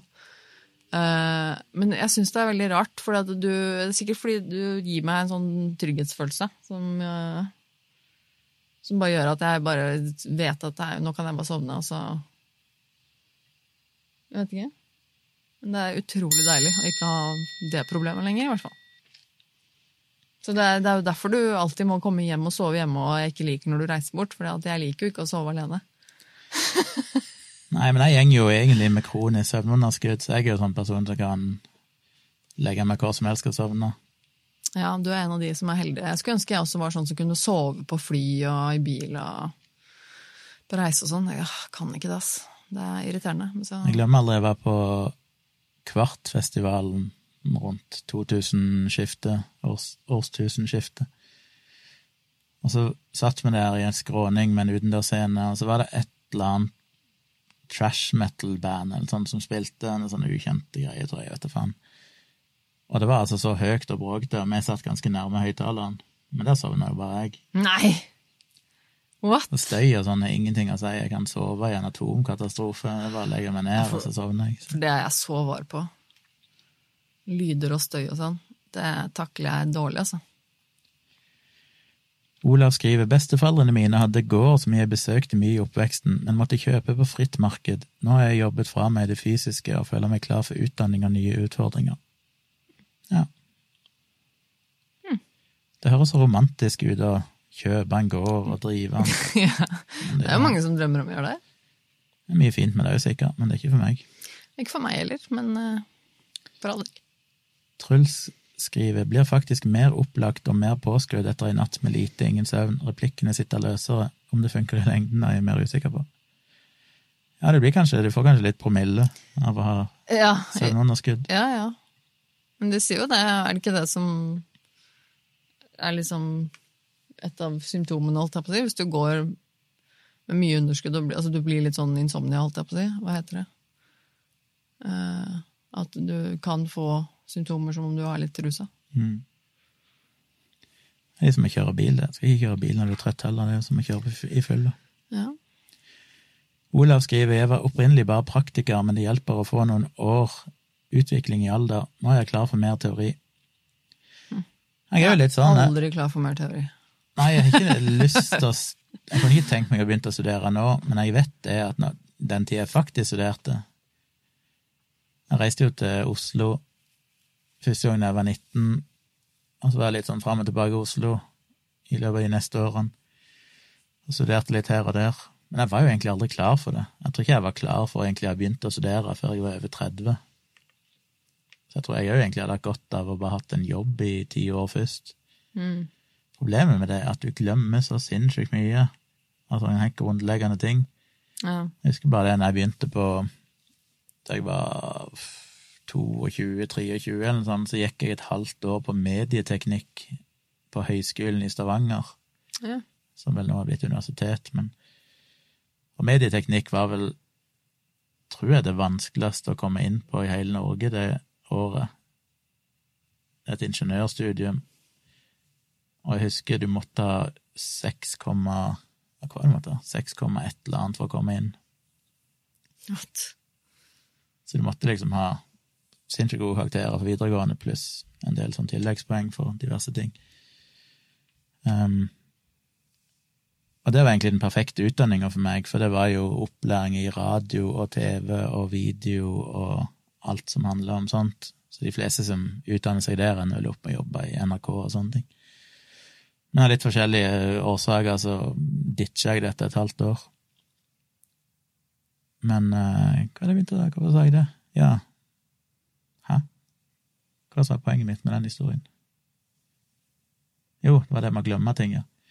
For siden det var et ingeniørstudium, så måtte du liksom ha matte og sånne ting, som irriterte meg. For sånn, fuck matte, jeg vil jo lære de praktiske tingene her. Og jeg bare husker når jeg skal ta opp igjen matten, da, hvor lite jeg husker. Jeg husker ingenting fra videregående, og det var bare fire-fem år siden. Ja. Jeg kunne ikke Oi, hva skjer med Jeg legger litt der. Interessant. Ja. Bare vi stoppa legge, der. legge ut av det eller eller vi bare legger på vår egen skjerm. Jeg begynner å gå tom for batteri her. Og gjør det derfor? ja? Lader ikke, sier han.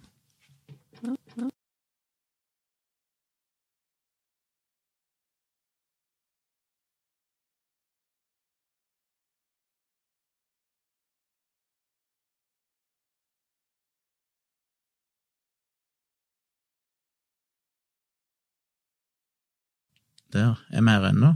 Ser dere oss? Nå er jeg spent. Jeg holdt på å gå tom for strøm her, for det Mac-en lada ikke. Jeg hadde kobla strømmen via en adapter her. Så bekreft gjerne om dere ser dere fortsatt.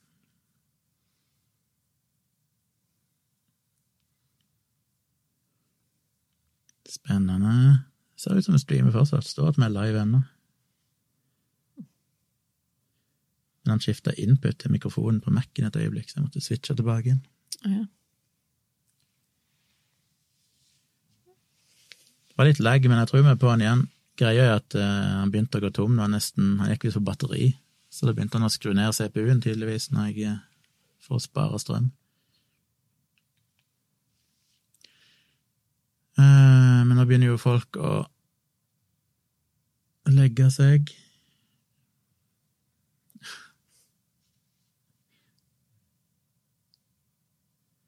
Funka bra, da er vi her ennå, tydeligvis. Anomi skriver jeg er elendig på å sovne, finner ikke en sånn sweet spot når jeg skal legge meg.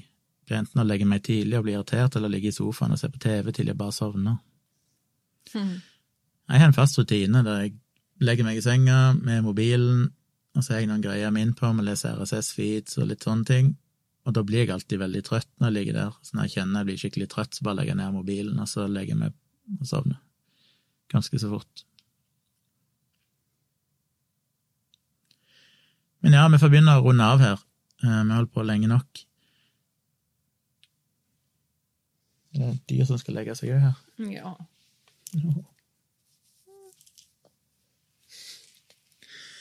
Men da får vi runde av. Takk for at dere så på atter en gang. Husk å abonnere på podkasten Virkelig grusomt. Husk å abonnere på denne kanalen. Husk å like. Vi trenger flere thumbs up. Jeg har til og med fått en thumbs down. Jeg lurer alltid på hvem som stikker innom for å gi den. og husk å tipse andre om patronen min, podkasten, livestreamen og ja, den nye podkasten, ikke minst. Um, Spre den. Og dere deler med og delt den på Facebook og Twitter, og sånn, så ta gjerne en retweet eller del den videre, så folk får det med seg. Ja, vi Så vil gjerne ha litt dere lyttere på den nye podkasten, altså. Så kommer det en episode om ikke veldig lenge. Jeg, vi er jo egentlig klare til å legge den ut når som helst, så vi egentlig bare blir enige om eh, Ja, vi må finne ut hvilken ukedag vi skal publisere episoder på. Så det kommer vel en, eh, første episoden kommer vel eh, til uka. Ja. Tenker jeg. Så da dukker den opp i podkast-appen deres. Vi skal nok mase mer om det når det er ute. Så håper dere liker det dere hører. Spent på tilbakemeldinger. Mm. Jeg er alltid spent på hvordan det går utover, for det blir jo en starter jo et sted, og så trenger en jo å komme seg litt inn i det. Men jeg tror det er interessante episoder. Så god natt til dere som så på, og så er jeg kanskje tilbake igjen i morgen kveld hvis alt eh, går bra. Good night.